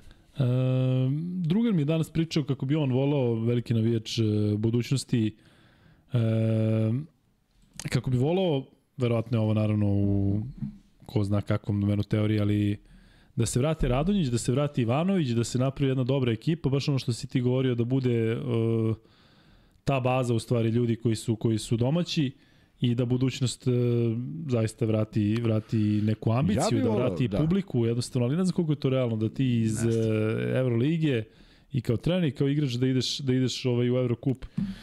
Ali bilo bi Pa lepo. neko će Bilo bi morati, znaš, neko će zbog preuzeti. ovog da. naših što si ali, ali stvarno, gledaj, uh, ti kad pogledaš ne, ne, ne mogu da pričam o uzrocima, ne mogu da pričam ni ko je u pravu, ko je u krivu. Ljudi bolje znaju šta je. Ali Džile neslavno odlazi, Vlada Ivanović neslavno odlazi, sa pokušaj dobrih trenera. Znaš, nije, nije to dobar, dobra, dobra, dobra poruka. Tu se prave greške. Da, ali možda su drugačije naklonjeni domaćim.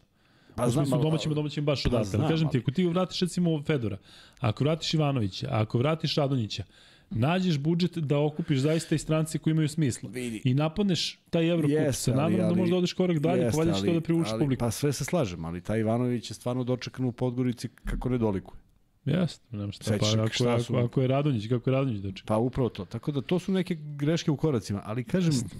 imidž kluba mora da bude da zaštiti trenera. Će svaki trener hteti da dođe. A nekako mi se čini da uvek ispadne nešto što što nije dovoljno dobro. Mijević se vratio. To je njima primjer, verovatno kaže, pa, dobro, viš, viš kako se... Ja mislim, ja mislim da taj dečko ima ambiciju, ima, Jeste. zna što, to što zna, želi sigurno nešto da ne želi sigurno da izađe na utakmicu i da, da, da, da se preda. Ali ovaj, možda okupi igrače oko sebe, možda podigne neku atmosferu, možda to stvarno bude bolje. To su, to su te blic, blic momenti, to ne traje koliko hoćeš, ali možda tih 3-4 utakmica zaista, zaista upali. Tako da ajde vidimo. Možda, možda, bude, možda bude interesantna borba u polufinalu. Možda. Znaš tu pesmu? Nisam, na, na, na. Ne znam. A ti znaš samo Nirvanu. Nirvanu samo, i, je, jest, i ono, jest. šubi, dubi, dubi, jest. kako zove, zbuši, izbac, buši. Zdubši, zdub, zdubši, e, zdub. To su majstori. Šubi, dubi, dubi. Reci mi, Kuzma, šta ćemo da radimo sa Nedović? Nedović je ostao za kraj, ne slučajno 16 poena. Trojke 4 od 8 kada govoriš o tim nekim e, šutevima kakvi ima dosta, to su i dalje ti Nedovićevski šutevi, ali danas si je pogodio, mislim, dve ili tri za redom. Ja si pogodio četiri, na primjer, za redom, a onda ide jedna koja je kratka, bez Kako razloga. Kako moguće, ono? Kada misliš da igrač u ritmu i onda on šutne trojku iz najbolje pozicije i ona jedva da. takne obruč. A onda šutne iz punog trka. Yes. Tek to mi nije jasno. Tako da, kako, ka, znaš, uvek, se, uvek se pitam koliko, koliko bi u tim momentima neki drugi potez bio smisleniji. I koliko bi se svi osjećali bolje. I ne bi se iznervirao trener, verovatno se iznervirao, pošto prosto ne voli to. I onda učiniš i treneru da se ne nervira. Ćao Srki. Ali koliko učiniš bi se svi osjećali pa, svi bolje. se osjećaju bolje. I ovi pa što pa da. su u bolnici jadni Ma, bolesni, svi, pa, sve kreće. Ja, hvala ti bolje. Da, svi bi se osjećali bolje. Da. Tako da, da evo te, znaš, usreći, znaš koliko ljudi usreći, pa, koliko hoćeš. do tog momenta ti kad ne znaš da ti ne ukreneš na prodor, svi se osjećaju bolje. Znači, i ovi iz, iz pa egzumu, egzumu prođe povreda. Kako, odmah ozdravi. E, dobro. Tako da ne da igra igra dobro zato što ima izbacio sam jedan klip o njegovim predispozicijama fizičkim sa Lukmanom što smo pričali ovde pa u skladu s tim stvarno u pojedinim momentima kad dribla loptu kao da nema nikog ispred. Kao da, kao da ne osjeća da postoji neko. Pa zamisli koja bi to eksploatacija bila tog, tog znanja. Zamisli, zamisli ono što stalno volim da pričam, neću da pravim paralelu, ali što volim da pričam kako je se Jordan nadmetao sa svima. Pa to bi bilo zadovoljstvo, ti svaki jest, put možda prođeš. Jest, da. I, a, a, prosto ne vidim kako, pa Da, delo je zaista da ako neko ima mogućnosti da, da proti, na svakoga krene Tako. i da se nosi sa njim i On da ulazi duele. Ti, gle sad će ovaj nešto, da. ma nema, nema, čovjek ne može da reaguje. Ja mislim, razmišljam ono što si ti nekoliko puta iz prednje govorio kada bi se ukinulo trojka. Mislim da bi Nedović bio najbolji igrač Evrope. Što bi šutirao? Pa on bi, on bi prodirao i samo da. dao. Jesi ti kad si, ti, ti kad si, da, ti si počeo sa 17 godina tamo na Kad su krenuli trojku? 80 i neke, a? Da. Kad sam imao 20 godina su da. uveli. 83. mislim da je uvedena trojka. Še, a kad su sa 6.25 prebacili na 6.75? Prebacili su. Šta? Prebacili su. Ti čeka. e, ja nisam igrao na 6.75, samo ti kažem. Znači, posle moje karijere. Do 2005. nisu. Momente kada Valjda su nisu. sa 7.25 u NBA ligi vratili na 6.75, pa na svako mogu da... Stvarno? Pa ne znaš što, ne znaš ništa. Znaš istoriju košarke. Znaš istoriju BFC, ali istoriju košarke tu si... Ovaj, mi, slonovi, mi slonovi smo uvijek slonovi. Dobro, Kuzmo, prošli smo Zvezdu, uh, da rekli smo da će Zvezda verovatno uh, ako kakav se radi se neko ritam, kad se igra? Jesi igra u ponedljak? Ritam je da te pitam, a Zvezda, sad ću ovaj sajt radi malo slabije, Zvezda igra sledeći meč u Zadru u ponedljak od 18 časova. U ponedljak? Dobro, dobro. A onda... Uh, pa tamo onda, znači, kad je u 18? Odlično, znači imamo, imamo emisiju baš posle. Taman, a? Pa ne taman, hoću kažem, iskoristit ćemo da pričamo i Aba Ligi. Jasno. Potpuno sam zanemario da je u, u ponedljak. Vidiš ovo što se dešava sa Partizanom i studentskim centrom, ne znamo ni kada će da se igra, ni kako će da se igra, kako da, će sve to da, da se ukupi, da. ali ajde da kažemo da Zvezda u ponedjeljak dobije šansu da prođe u polufinale, a još Tako nije je. počela četvrtfinalna serija između CDVita Olimpije i FNP-a. To kreće sutra od 18.30. Kuzma, ja bih rekao da su tu ravnopravne šanse, odnosno da te- ako negde možemo da imamo interesantan duel, da je to taj. Jeste, sigurno da možemo. I jesu dve ekipe koje su u stvari najbliže, tako, četvrti i peti. Jeste, prema to razumeo sam. I da je, da je FNP bio malo, malo više sreće u tom drugom delu sezone, da je Fraser ostao, ali to ne potpada u domen sreće, nego jednostavno nije ostao. Nisu domen našli, nesreće. nisu, nisu, nisu, nisu je poklopile kockice, nije nađen novi vođa ekipe, malo smo pričali sa, sa ljudima iz železnika šta je to što je nedostajalo, ali Jes, bilo, je pričali smo. dovoljno, bilo je dovoljno vremena, pa zaboravio sam da nisi ti bio. Ne, pričali smo, evo nismo pričali. Jer jesmo? Jesmo, samo se ti ne sjećaš. Pa ne mogu setiti. Ne sjećaš se priče Frazeru. Sećam se, da, ne sa ljudima iz železnika. A onda sam se, setio sam sreo ovoga Filipa Čovića, pa smo pričali na tu temu. I što kaže? Pa evo upravo što ti kažem, da se nisu neke kockice posklopile i da nije bilo nekog novog vođe. A jeste, baš je tako rekao. Nisu se sklopile kockice, nije bilo novog vođe. Nije, Rekao nego je ti rekao. Majke mi je, kockice se nisu sklopile. Tako je rekao. Kockice se nisu sklopile. Mislim da to niko ne izgovara sem nas ovde u podcastu. Ja koji ništa, četiri ja puta nisam ništa razumeo šta priča, ali tako je rekao. I ovaj, uh, nedostaje vođa ekipe i, i malo je, malo je, ali imali su dovoljno vremena da se spreme i ja mislim da je FNP u ono što mi se dopada kod tih, kod tih mladih igrača što su željni uspeha. Ovo, ovo bi za njih bio, kako bih rekao, ovo je ozbiljno, ozbiljno bitna utakmica da dokažu svoj kvalitet, tako da je svašta moguće s obzirom da CDT Olimpija makar na onoj utakmici protiv Zvezde nije bila ni, ni bleda senka nekih svojih prethodnih igara, pa biće vrlo interesantno vidjeti kako će to izgledati. Nenad KG kaže Darko Rajaković u tri najzbiljnijih kandidata za klubu Toronto Raptorsa uz malo sreće e, bi mogao da bude prvi trener. Luka komentar za Rajakovića, očigledno to sada izašlo. E, Ljudi, Darko je mnogo velika faca i znate da je bio ovde kod nas i Darka i imam tu ovaj čas da ga poznajem dugo i da smo sarađivali i uvek je na kom god nivou, uvek je bio ovaj, maksimalno e, posvećen, maksimalno fokusiran, e, donao nam je neke akcije iz San Antonio Sparsa, pošto je to gleda bio kod njih na kampu i tada je praktično krenula njegova NBA priča. Zaista mu uh, želim najiskrenije sve najbolje i opet se vraćam na onu priču koju sam i, i, i ranije pominjao, dakle, prošle sezone, mnogi od vas to nisu čuli, zato što kada sam to pričao, vjerojatno posljednji put imali smo mnogo manju gledanost i manje ljudi, ali e, desilo se to da sam ustao ujutru, imao, krenuo naravno svoje obaveze i ispratio sam kraj utakmice Memphisa i Golden State Warriors, govorimo o regularnom delu prošle sezone, negde u završnici, gde je on menjao uh, m, trenera Memphisa koji je u tom trenutku čini mi se imao virus, imao je koronu i Darko je bio prvi trener. I on je pobedio Golden State, uh, ja sam mu poslao poruku posle tog meča i slušao sam njegovu konferenciju za novinare i kako se završila konferencija za novinare, a pričali smo o tome i kada je bio ovde, to je bilo negde možda pola sedam ujutru ovde i on ovako gledam, završava konferenciju za novinare, odlazi i posle minut stiže poruka ovaj, od Darka Rajakovića, tako da mnogo mi je drago, zato što znam ovaj, koliko, je, koliko je u toj priči, znam koliko je, koliki je košarkaški fanatik i dok je bio ovde i pričao sa nama u studiju i rekao je kako mu je naravno želja da bude prvi trener. Da li je Toronto dobra adresa? Mm, Daj Bože, mm, ekipa koja, koja je Daj Bože prvo da ga izaberu, pa otom potom. Da, zato što nema tu sad dobra adresa. Jednom ti se pruži prilika, ako je propustiš... Vidio si sigurno u Phoenixu. Tako je. Pitanje je kako, kad je dobiješ ponovo, tako da ako se ukaže prilika treba je prihvatiti, nema tu dobra i loša, znaš šta te čeka, moraš da imaš sreće malo sa izborom kluba, u smislu stvari da imaš sreće sa odnosom, sa predsednikom koji treba da ima neku viziju, a ti malo da da radiš, da si okružen dobrim ljudima i da cilj koji je zacrtan bude realan. Igoru se desilo zaista da ima najčudnijeg predsednika, i šta god je uradio Ima- nije ima bilo čudnih, dovoljno. verujem. Ima i čudnih, pa Ima. dobro. Pa, se Ovi što malo, malo pa prodaju timove zato što su napravili neko Pa, nje. pa, Ovaj, pa da to kažem, zavisi, ali treba probati. Treba probati jer ta prilika koja se ukaže ne ukazuje se baš svaki dan. Da, i bilo bi Toronto neko deluje kao dobra adresa u smislu da ima zaista dobar tamo srpski community, odnosno srpska zajednica, tako da, eto, najiskrenije mu to želimo.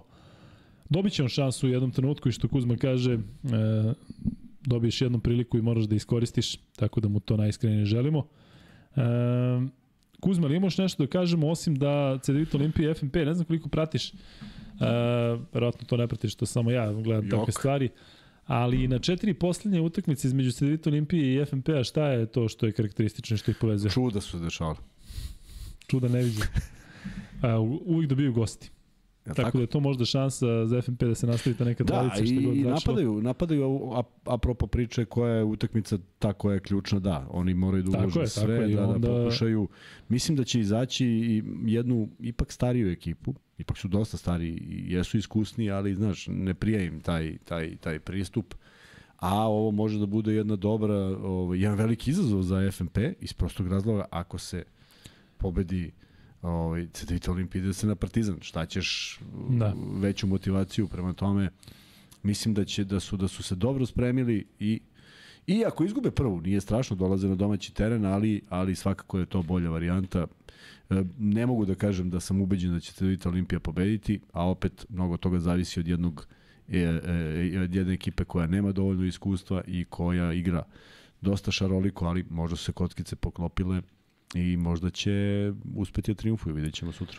Kuzma, šta je bolje za ABA ligu? Da u polufinalu igraju Cedevita, Olimpija, Partizan ili FNP Partizan? U Nemam- smislu nemam neki- tog nekog ipak ipak igra ekipa koja je iz druge zemlje, ipak igra ekipa koja nema tradiciju zato što su sad fuzionisali, ali u Ljubljani mogu da se napune tribine, da taj Tivoli bude pun, da nekako Ne može da želim bude tako to da razmišljam. Ne, ne, zato što to onda ide na varijantu baš je svima lepo, znaš, igra se više kluba. Ako treba četiri srpska da igraju, nemam problem. Da. Mislim da, da, da stvarno klubovi od, iz Srbije pokazuju Meni je žao što se Borac nađe u toj situaciji, zašto zaista mislim da je ekipa koja, koja na startu sezone ima ne samo veće ambicije, nego ima i taj kvalitet da nekako može da se, da se ustali negde na sredini tabele, ali prosto tu, tu ne pravim neku razliku. Ni šta je dobro, ni šta je loše. Ako je CDViti posljednja utakmica u sezoni za dva kola, neka bude tako. Šta da radimo? Ali mislim da da ovaj da o tome ne treba da razmišljamo i da treba da gledamo dobru košarku koliko god je to moguće a mislim da će Cedevita Olimpija možda kao najuzbudljiviji par to i pružiti, pa možda gledamo i tri utakmice, što je bilo interesantno svakako, a i u krajnjem slučaju, znaš kad se desi, ako sve utakmice prođu u 2-0, onda odmah ubrzaju Jeste. ritam, tako da pitanje je kol, koliko to odgovara. Ljudi, toliko o ABA ligi da samo kažemo da u ovom baražu Borac i Helios igraju Majstoricu, Helios je dobio utakmicu 107-101, ja zaista ne mogu da verujem da je toliko bilo pojena i u prvoj i drugoj utakmici, zato što neko... Na Koliko je dobio? Helios dobio 107-101, igra se treća sada u Čačku opet. 100-701. Pa da, ali- Regularno. Da, ali pritom je uh, u prvoj utakmici je takođe bilo drame uh, Nešto, dva pojena, tri koliko? Ne, nego u smislu da je bilo mnogo poena, A. pa je se He, pa je Helios stizao, nisu igle odbrane, što mi kažem neshvatljivo za za utakmice Pa, dobro. koje ti praktično određuju ne ovu sezonu, određuju ti sledeću sezonu. Jest. E, I taj Helios ima zanimljivu ekipu. Ja pratim tu slovenačku košarku i prenosimo to na sport klubu, ali naravno želi bi da borac su sa ovakvim sastavom, sa Hejlom, sa tim strancima, sa, sa Savom, sa Đorđem i sa zaista onako jednom ekipom gde imate 10 igrača koje znate. Bilo bi lepo da, da sa trenom Mijatovićem dobiju taj treći meč. I to je otprilike to. Kuzma, ja bih sad prešao na NBA ligu. Miksa, hoćeš da se latiš mikrofona? A? To deluje kao da će da padne neka pjesma. Češ da isečem tortu? Ajde, može. A, viš, on, on bi čak sekao tortu samo da ne sluša NBA ligi. To je prosto Uključit nevjerojatno. ću se ja kasnije kada, kada bude Kad malo dođemo zanimljivije. do, do Jimmya Butlera, Kada Minnesota prođe dalje, onda... za koga nisi čuo, pazi, nije, čovjek nije čuo za Jimmya Butlera, bivši, pazi, bivši scout Houstona, ne zna za Jimmya Butlera. E, moj ti. E, Miksa, šta je novo, od čega hoćeš da počnemo? Šta ima toliko, mislim, proćemo sve Hoćemo serije. da završimo Boston. Ajde, Boston da, otišao odemo dalje. Boston. Očekivali smo, bravo za Atlantu, iskreno, kako su igrali cele godine, skinuti dve tekme Bostonu, mislim da je velika stvar u NBA-u, da je Milwaukee ispadao od Majamija, eto, to, to nismo rekli, ponovo loša odbrana, ponovo serija 11 poena u, u finišu i onako, Miami mi je jedino iznenađenje zapravo od svega ovoga, Atlanta me iznenadila s ove dve. Očekivao sam jednu pobedu. Taj Nije bilo realno da pošli u sedmi meč, tako? A nije. Realno nije. Ne, nisu na tom nivou. Pritom i Da. suspenzija Mareja takođe i skraćena rotacija. Stvarno su odradili sve. Lepo je bilo. Imaš da. ovde nekoliko puta su te pitali za ovaj komentar za, za Janisov govor na presu. Vidio sam, i... nisam hteo da, da preskačemo, dakle... E... A iskreno, mislim, šta, nije dečko ništa loše rekao. Mislim, ja Janis obožavam. Dobro, čak si ogradio u smislu, rekao je neću da napravim ovo nije da je lično, e, ali... E, ne slažem se to sa njim da, da znaš da ne treba sad ovu sezonu karakterisati e, kao lošu, jednostavno svi smo videli Milwaukee minimum u finalu istoka. Pa. Dakle, ako te Miami izbaci, izbacite sa 4-1, ne možeš da kažeš da je uspešna. Ali on je igrao Luka 3 od te.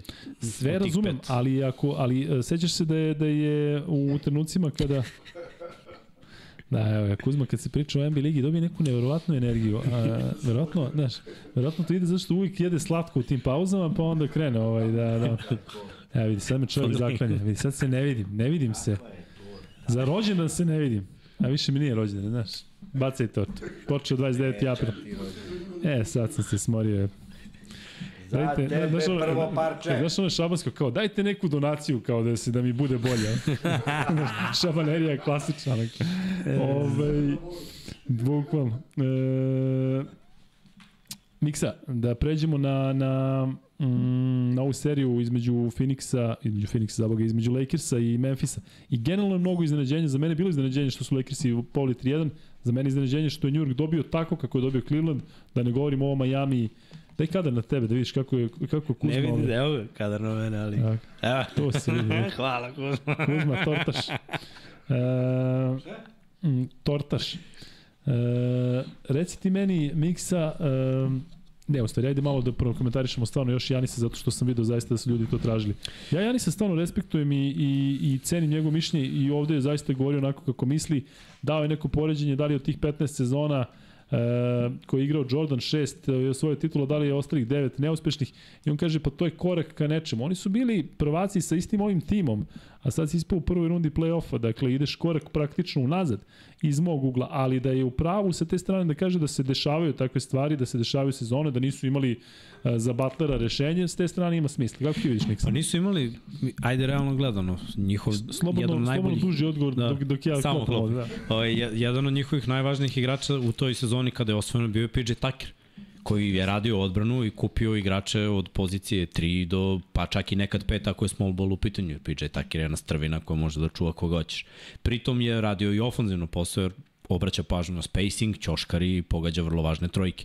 I imao je ofenzivne skokove. Oni su to izgubili. Mislim, ne mogu Grayson Allen i ovi neki momci koji sada imaju ulogu. Konaton i Allen su sada ispunili te neke cipele. Mislim, probali su, nisu uspeli. Jer je jako teško, oni su imali sad to neku ulogu. Konaton odigra jednu dobru tekmu, oni dobiju, Konaton šutira 6-6-1, a sledeću 1 od 7-8. Ne mogu da dobiju kada on šutira tako. Uh, pritom tri tekme bez Janisa. Šta je on igrao pola prve četvrtine u prvoj? nije bilo realno. Nije se namestilo, bili su najbolji u regularnom delu, trebalo je da reše ovde Miami. Miami ih inače pobeđuje godinama, izbacio ih je kad su oni ušli u finale. Ove godine su bili bolji u regularnom delu. Znači, očigledno im nešto ne poše kod ove ekipe, bez obzira na te povrede. Majamija nije sve leglo, ali na stav, to su mediji koji će uvek ono, a, izgubio si, ti si ono, glavni igrač, kako se osjeća, šta treba. Brate, trener na 13-0 seriju ne traži timeout u jednoj tekmi, na 11-0 seriju ne traži timeout u drugoj tekmi. Baden Uzeo je baš na, na, na Pa realno, uzeo je jedan prsten, mislim da je vreme da se, znaš ono, pružimo ruke da se razilazimo. Realno, da, da dođe neko ko bi mogao ovaj tim da odvede nekim drugim putem. Mislim i da nađe neke malo bolje igrače, da, da se tu, uh, ne sad da budu zvezde, da se razumemo, ne trebaju njima zvezde, njima trebaju rol igrači, kao Bobby Portis. Takvi neki igrači. Znači, on nije top 5 u ekipi, ali on uđe i odradi svoj posao. Kao Brook Lopez. On nije top 5, ali uđe i odradi svoj posao. Ali Bobby Portis koji ima onaj biv sa Jodonisom Haslamom koji je završio karijeru, ali i dalje tu.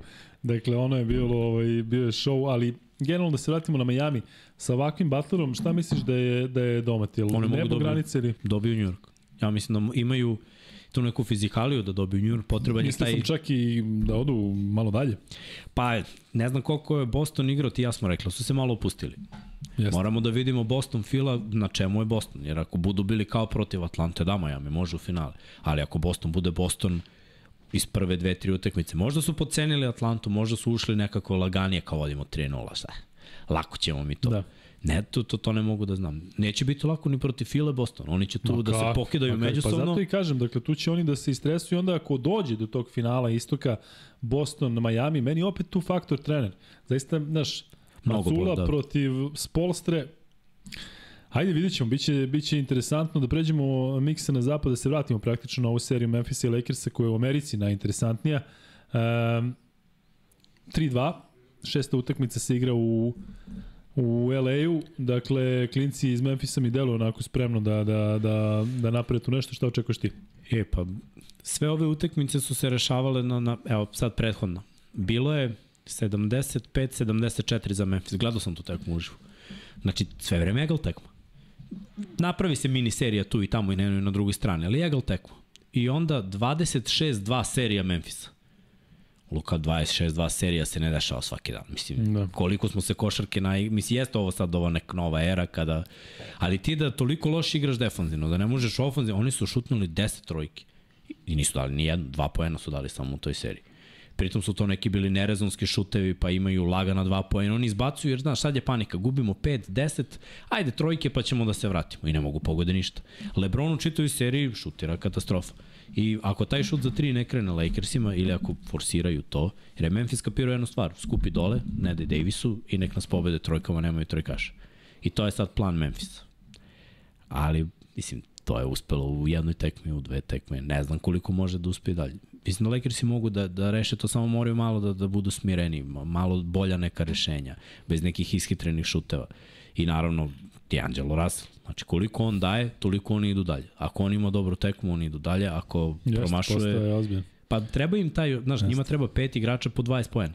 Da, da. Znači, to im treba da Rhys Reeves, Hachimura, LeBron, Anthony Davis i D'Angelo Russell. Znači, to, to je ekipa koja mora da da 20 plus da oni nešto urade. Miksa, ćeš gledati um, večeras o... Večeras puštamo draft, puštamo NBA. Da, vi ste tu, vi ste I- u live-u, ono, ludilo. Da, Game Pass 1, Jeste. Game Pass drugi i Rocky snimaj. E, da se vratimo na ludilo u Americi koje vlada i uh, oko ove serije Golden State i Sacramento, mislim da Sacramento zaista nema šansu da vrati seriju u, u, u Pa da, meni je bilo, ja sam prognozirao ono, 2-0, 2-2, 3-2 za Sacramento, što sam mislio da će ukradu, nisam znao da će uh, Fox da se povredi i onda posle toga, ovo kad su dobili i kod kuće imaju ovo je sad šansa da se završi. Jeste Sacramento najbolji na gostovanjima, ali mislim da, da je za jednu iskusnu šampionsku ekipu, oni su mislim zvanični šampioni, ovo ono šahmat, da, da ne bi smeli ovo da propusti. Imaju Miksa. dobru energiju, Wiggins je podivljao. Da se ne, da se ne lažemo, evo ja mislim da deliš bar donekle moje mišljenje na stranu Amerika, na stranu sve. Koliko bi ti bilo interesantno da gledaš Sacramento i Memphis u, u polufinalu zapada, a koliko Golden State, ali Lakersi kada kažeš LeBron protiv ovih, dakle kažem neuporedivo mi je. I Ne moram ni da ti odgovorim, sve znaš, brate. Isto, Znači, isto znaš, mislim, mislim. Tako da ovaj Phoenix Denver i Lakersi uh, Golden, Golden State. State. Ja mislim da da da ono da će biti to gledano ne znam ono širom sveta će se obarati rekordi zato što ka, koliko puta ćeš gledati LeBrona protiv ove poslednje i aktualne Da. dinastije i imaš Jokića koji je onako prilično, ajde malo da pričamo i o tome, Jokić koji je e, rekao da onako nije baš, ali rekao nešto tipa nisam baš ne znam optimista ili ne znam šta protiv Phoenixa, što možda jeste deo taktike, ali mislim da je on uh, smisleno prepustio ulogu favorita Phoenixu, zato što oni zaista mislim da jesu favoriti. Na stranu, Denver prvi u regularnom delu sezone, ne znam ko bi bio uh, favorit protiv ovakvog Phoenixa. Pa niko. I ja sam ih i stavio da idu u finale. Mislim, u nekoj mojoj prognozi, jer mi je dalo rešiće Clippers. Denver je izbacio jednu zanimljivu petorku koja defanzivno može da parira sa Jokićem koji je tu kreator, uh, bez Mareja, gde forsiraju Jeffa Greena, koji bi mogao, Jeff Green mislim da, da, da može on i Gordon da, da se menjuju na Durentu i da to mogu da, da pokupe, da, da čuvaju tako, ovaj Brown koji je prava ona Jeste, zuvelica, Brown, da. defanzivno igra jako dobro. Misliš na Brusa ili na Kristijana? Na Brusa, na Meni je Brusa, Kristijan da. okej, kada uđe i odradi svoje, meni je sasvim, sasvim korektno. Da, mislim da ti igrači nekako i onda KCP eventualno sa nekim svojim iskustvom da da može i onda pogodi neku trojku jer bi on tu bio jedini zapravo šuter s polja ili da se rotira sa Porterom juniorom. To je neka petorka koja bi mogla defanzivno da parira. Ali vidjet ćemo kako. Znaš, moram da prvu utakmicu da vidim ko, ko je u stvari priča. Da, da li će Porter i Murray da se nadigravaju sa Durantom i Bukerom. A, vrete, pa jer to ako krene, krene, to... ja, ja, ja ću se doknem, evo sad ti kažem. Znači, ne, Ja se nadam da neće to da krene. Znači, ako Mare i Porte krenu da se nadigravaju sa Durantom i ja neću izdržati do kraja serije da, da to gledam. Znači, otići ću negde na selo i vratit ću se kod Kuzme u... A šta nećeš, gledat ćemo i nervirat ćemo se. Yes. Već napred šta se dešava. A, ali, e, ajde za kraj da samo pomenemo i Durenta, da kažemo da je potpisao doživotni ugovor sa istom, sad kao niko ne zna, ali sa istim proizvođačem kao i Lebron i Jordan i zaista mislim da zaslužuje. Dakle, za mene Kevin Durant je jedan od najboljih košakaša svih vremena.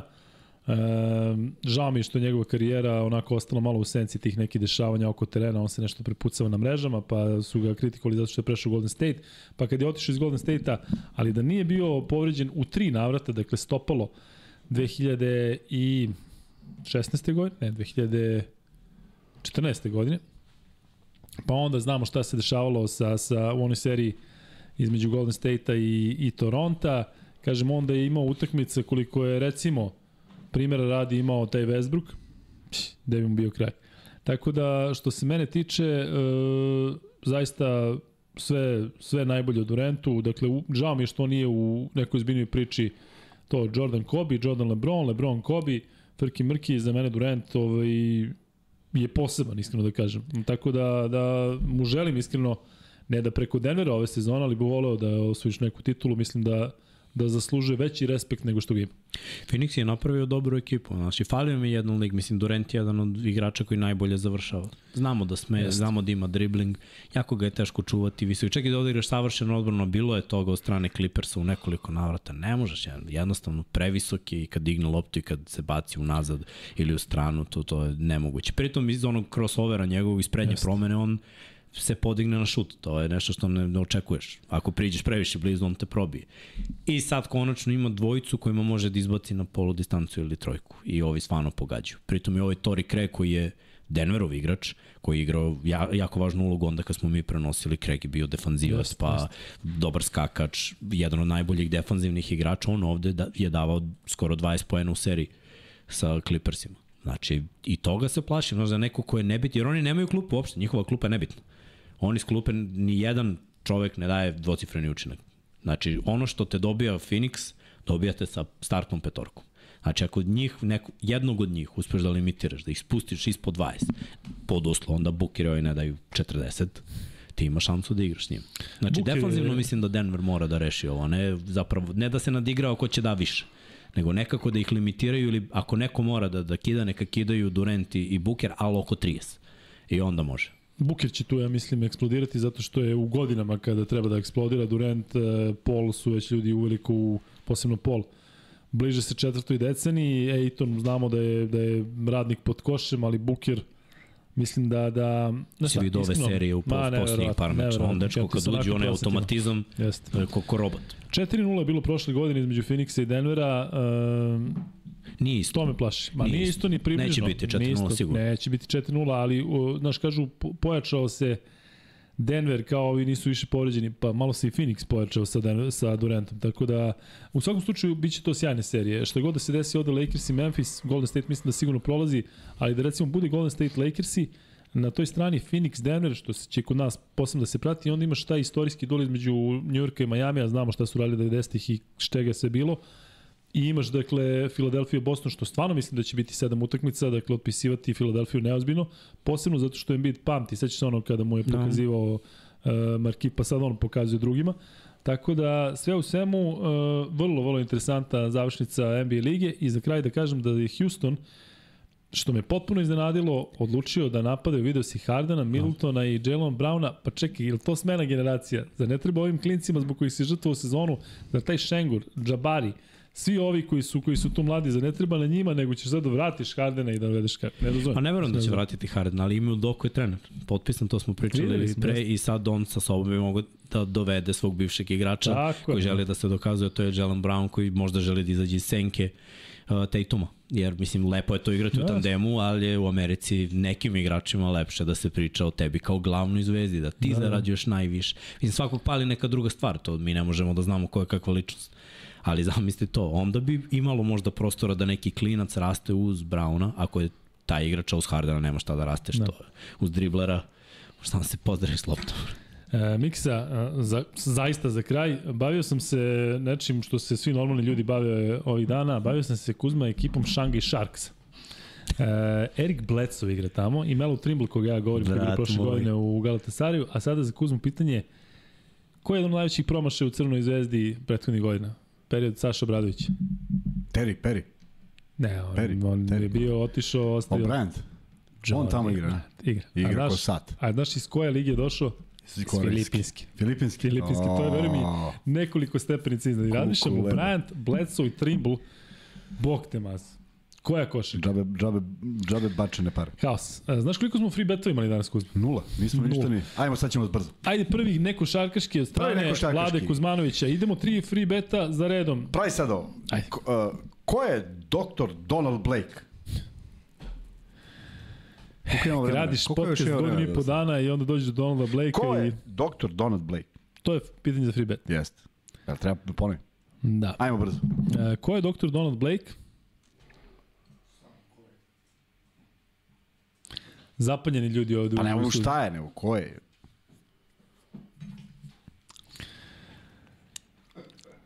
Je pao internet?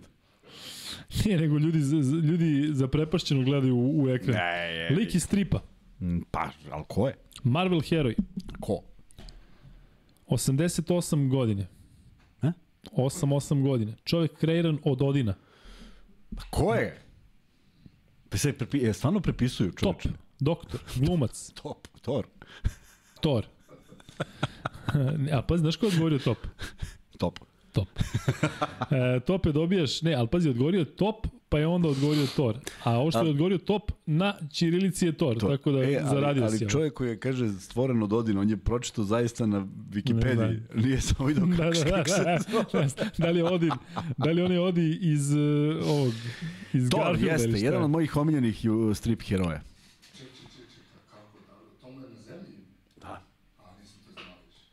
Pa kad si mlađi Srki. E, da se vratimo normalnim free betovima. Ko je? e, danas je išla kazna, odnosno stigla je kazna igračima Reala i Partizana. Koliko ukupno utakmica su dobili zajedno kazne? Ova četvorica, dakle četvorka je Busele, Dek, Panter, Lesor. Eto, da vidimo ko ima, ko brzo sabira. Ozbiljna matematika u pitanju, da. dakle da. 5 Pitanje plus... Pitanje je kad ćete sabrati. Da. Fiktivni lik Thor, TikToker, to je Kuzma, Donald Cotton, Steve Levitt, influencer. Svašta nešto ima. Vrsta krokodila, znaš šta sve izlazi kao i dalje. e, dakle, pet utakmice je dobio Jabusele, dve Panteri po jednu ovi, to bih rekao da je ukupno 11, da. Da, da. 9 Milan Jovanović je odgovorio prvi, dakle Milan Jovanović dobija drugi free bet e, i to je to. Društvo sutra sa šaljem free betove. Ovaj, One od novembra. Ne, ne, od, od četvrtka i petka. Ako, ako ne stignu, to je zbog manjka stafa koji je sigurno za praznike, ali ja su, sutra to šaljem svaki put. Posle. Još jednom da kažemo da ćemo u ponedeljak da imamo dakle, uh, ono izlačenje. Izlačenje. Uh, ko ide na Zlatibor i uh, u ponedeljak ćemo da krenemo u novu nedelju uh, gde će troje vas da ode na Zlatibor sa porodicom u zaista najbolji hotel tamo. Mnogo mi je drago što imamo i tu nagradnu igru zato što će biti zaista lepo da vidimo kako ste se provali, da nam pošaljete neke slike i da kažete kako ste uživali, tako da još jedan zaista lep, lep gest na strane naših partnera i drugara iz Galens. Treći free bet, pitanje Kuzma, hoćemo Zvezdu ili Partizan? Pa ajde pitam zvezdu, Kuzma. ajde Zvezdu. Ozbiljno? Ha? Da, čudo, čudo da si ovaj... Ajde, ajde Zvezdu. E, zvezdu. Još neko istorijsko pitanje Zvezde ili vezano za, da, za ovo sada? 47. negde, daj. Hoćeš? Aha. Sad ćeš da izvučeš stvarno. Pa i se da. Ajde.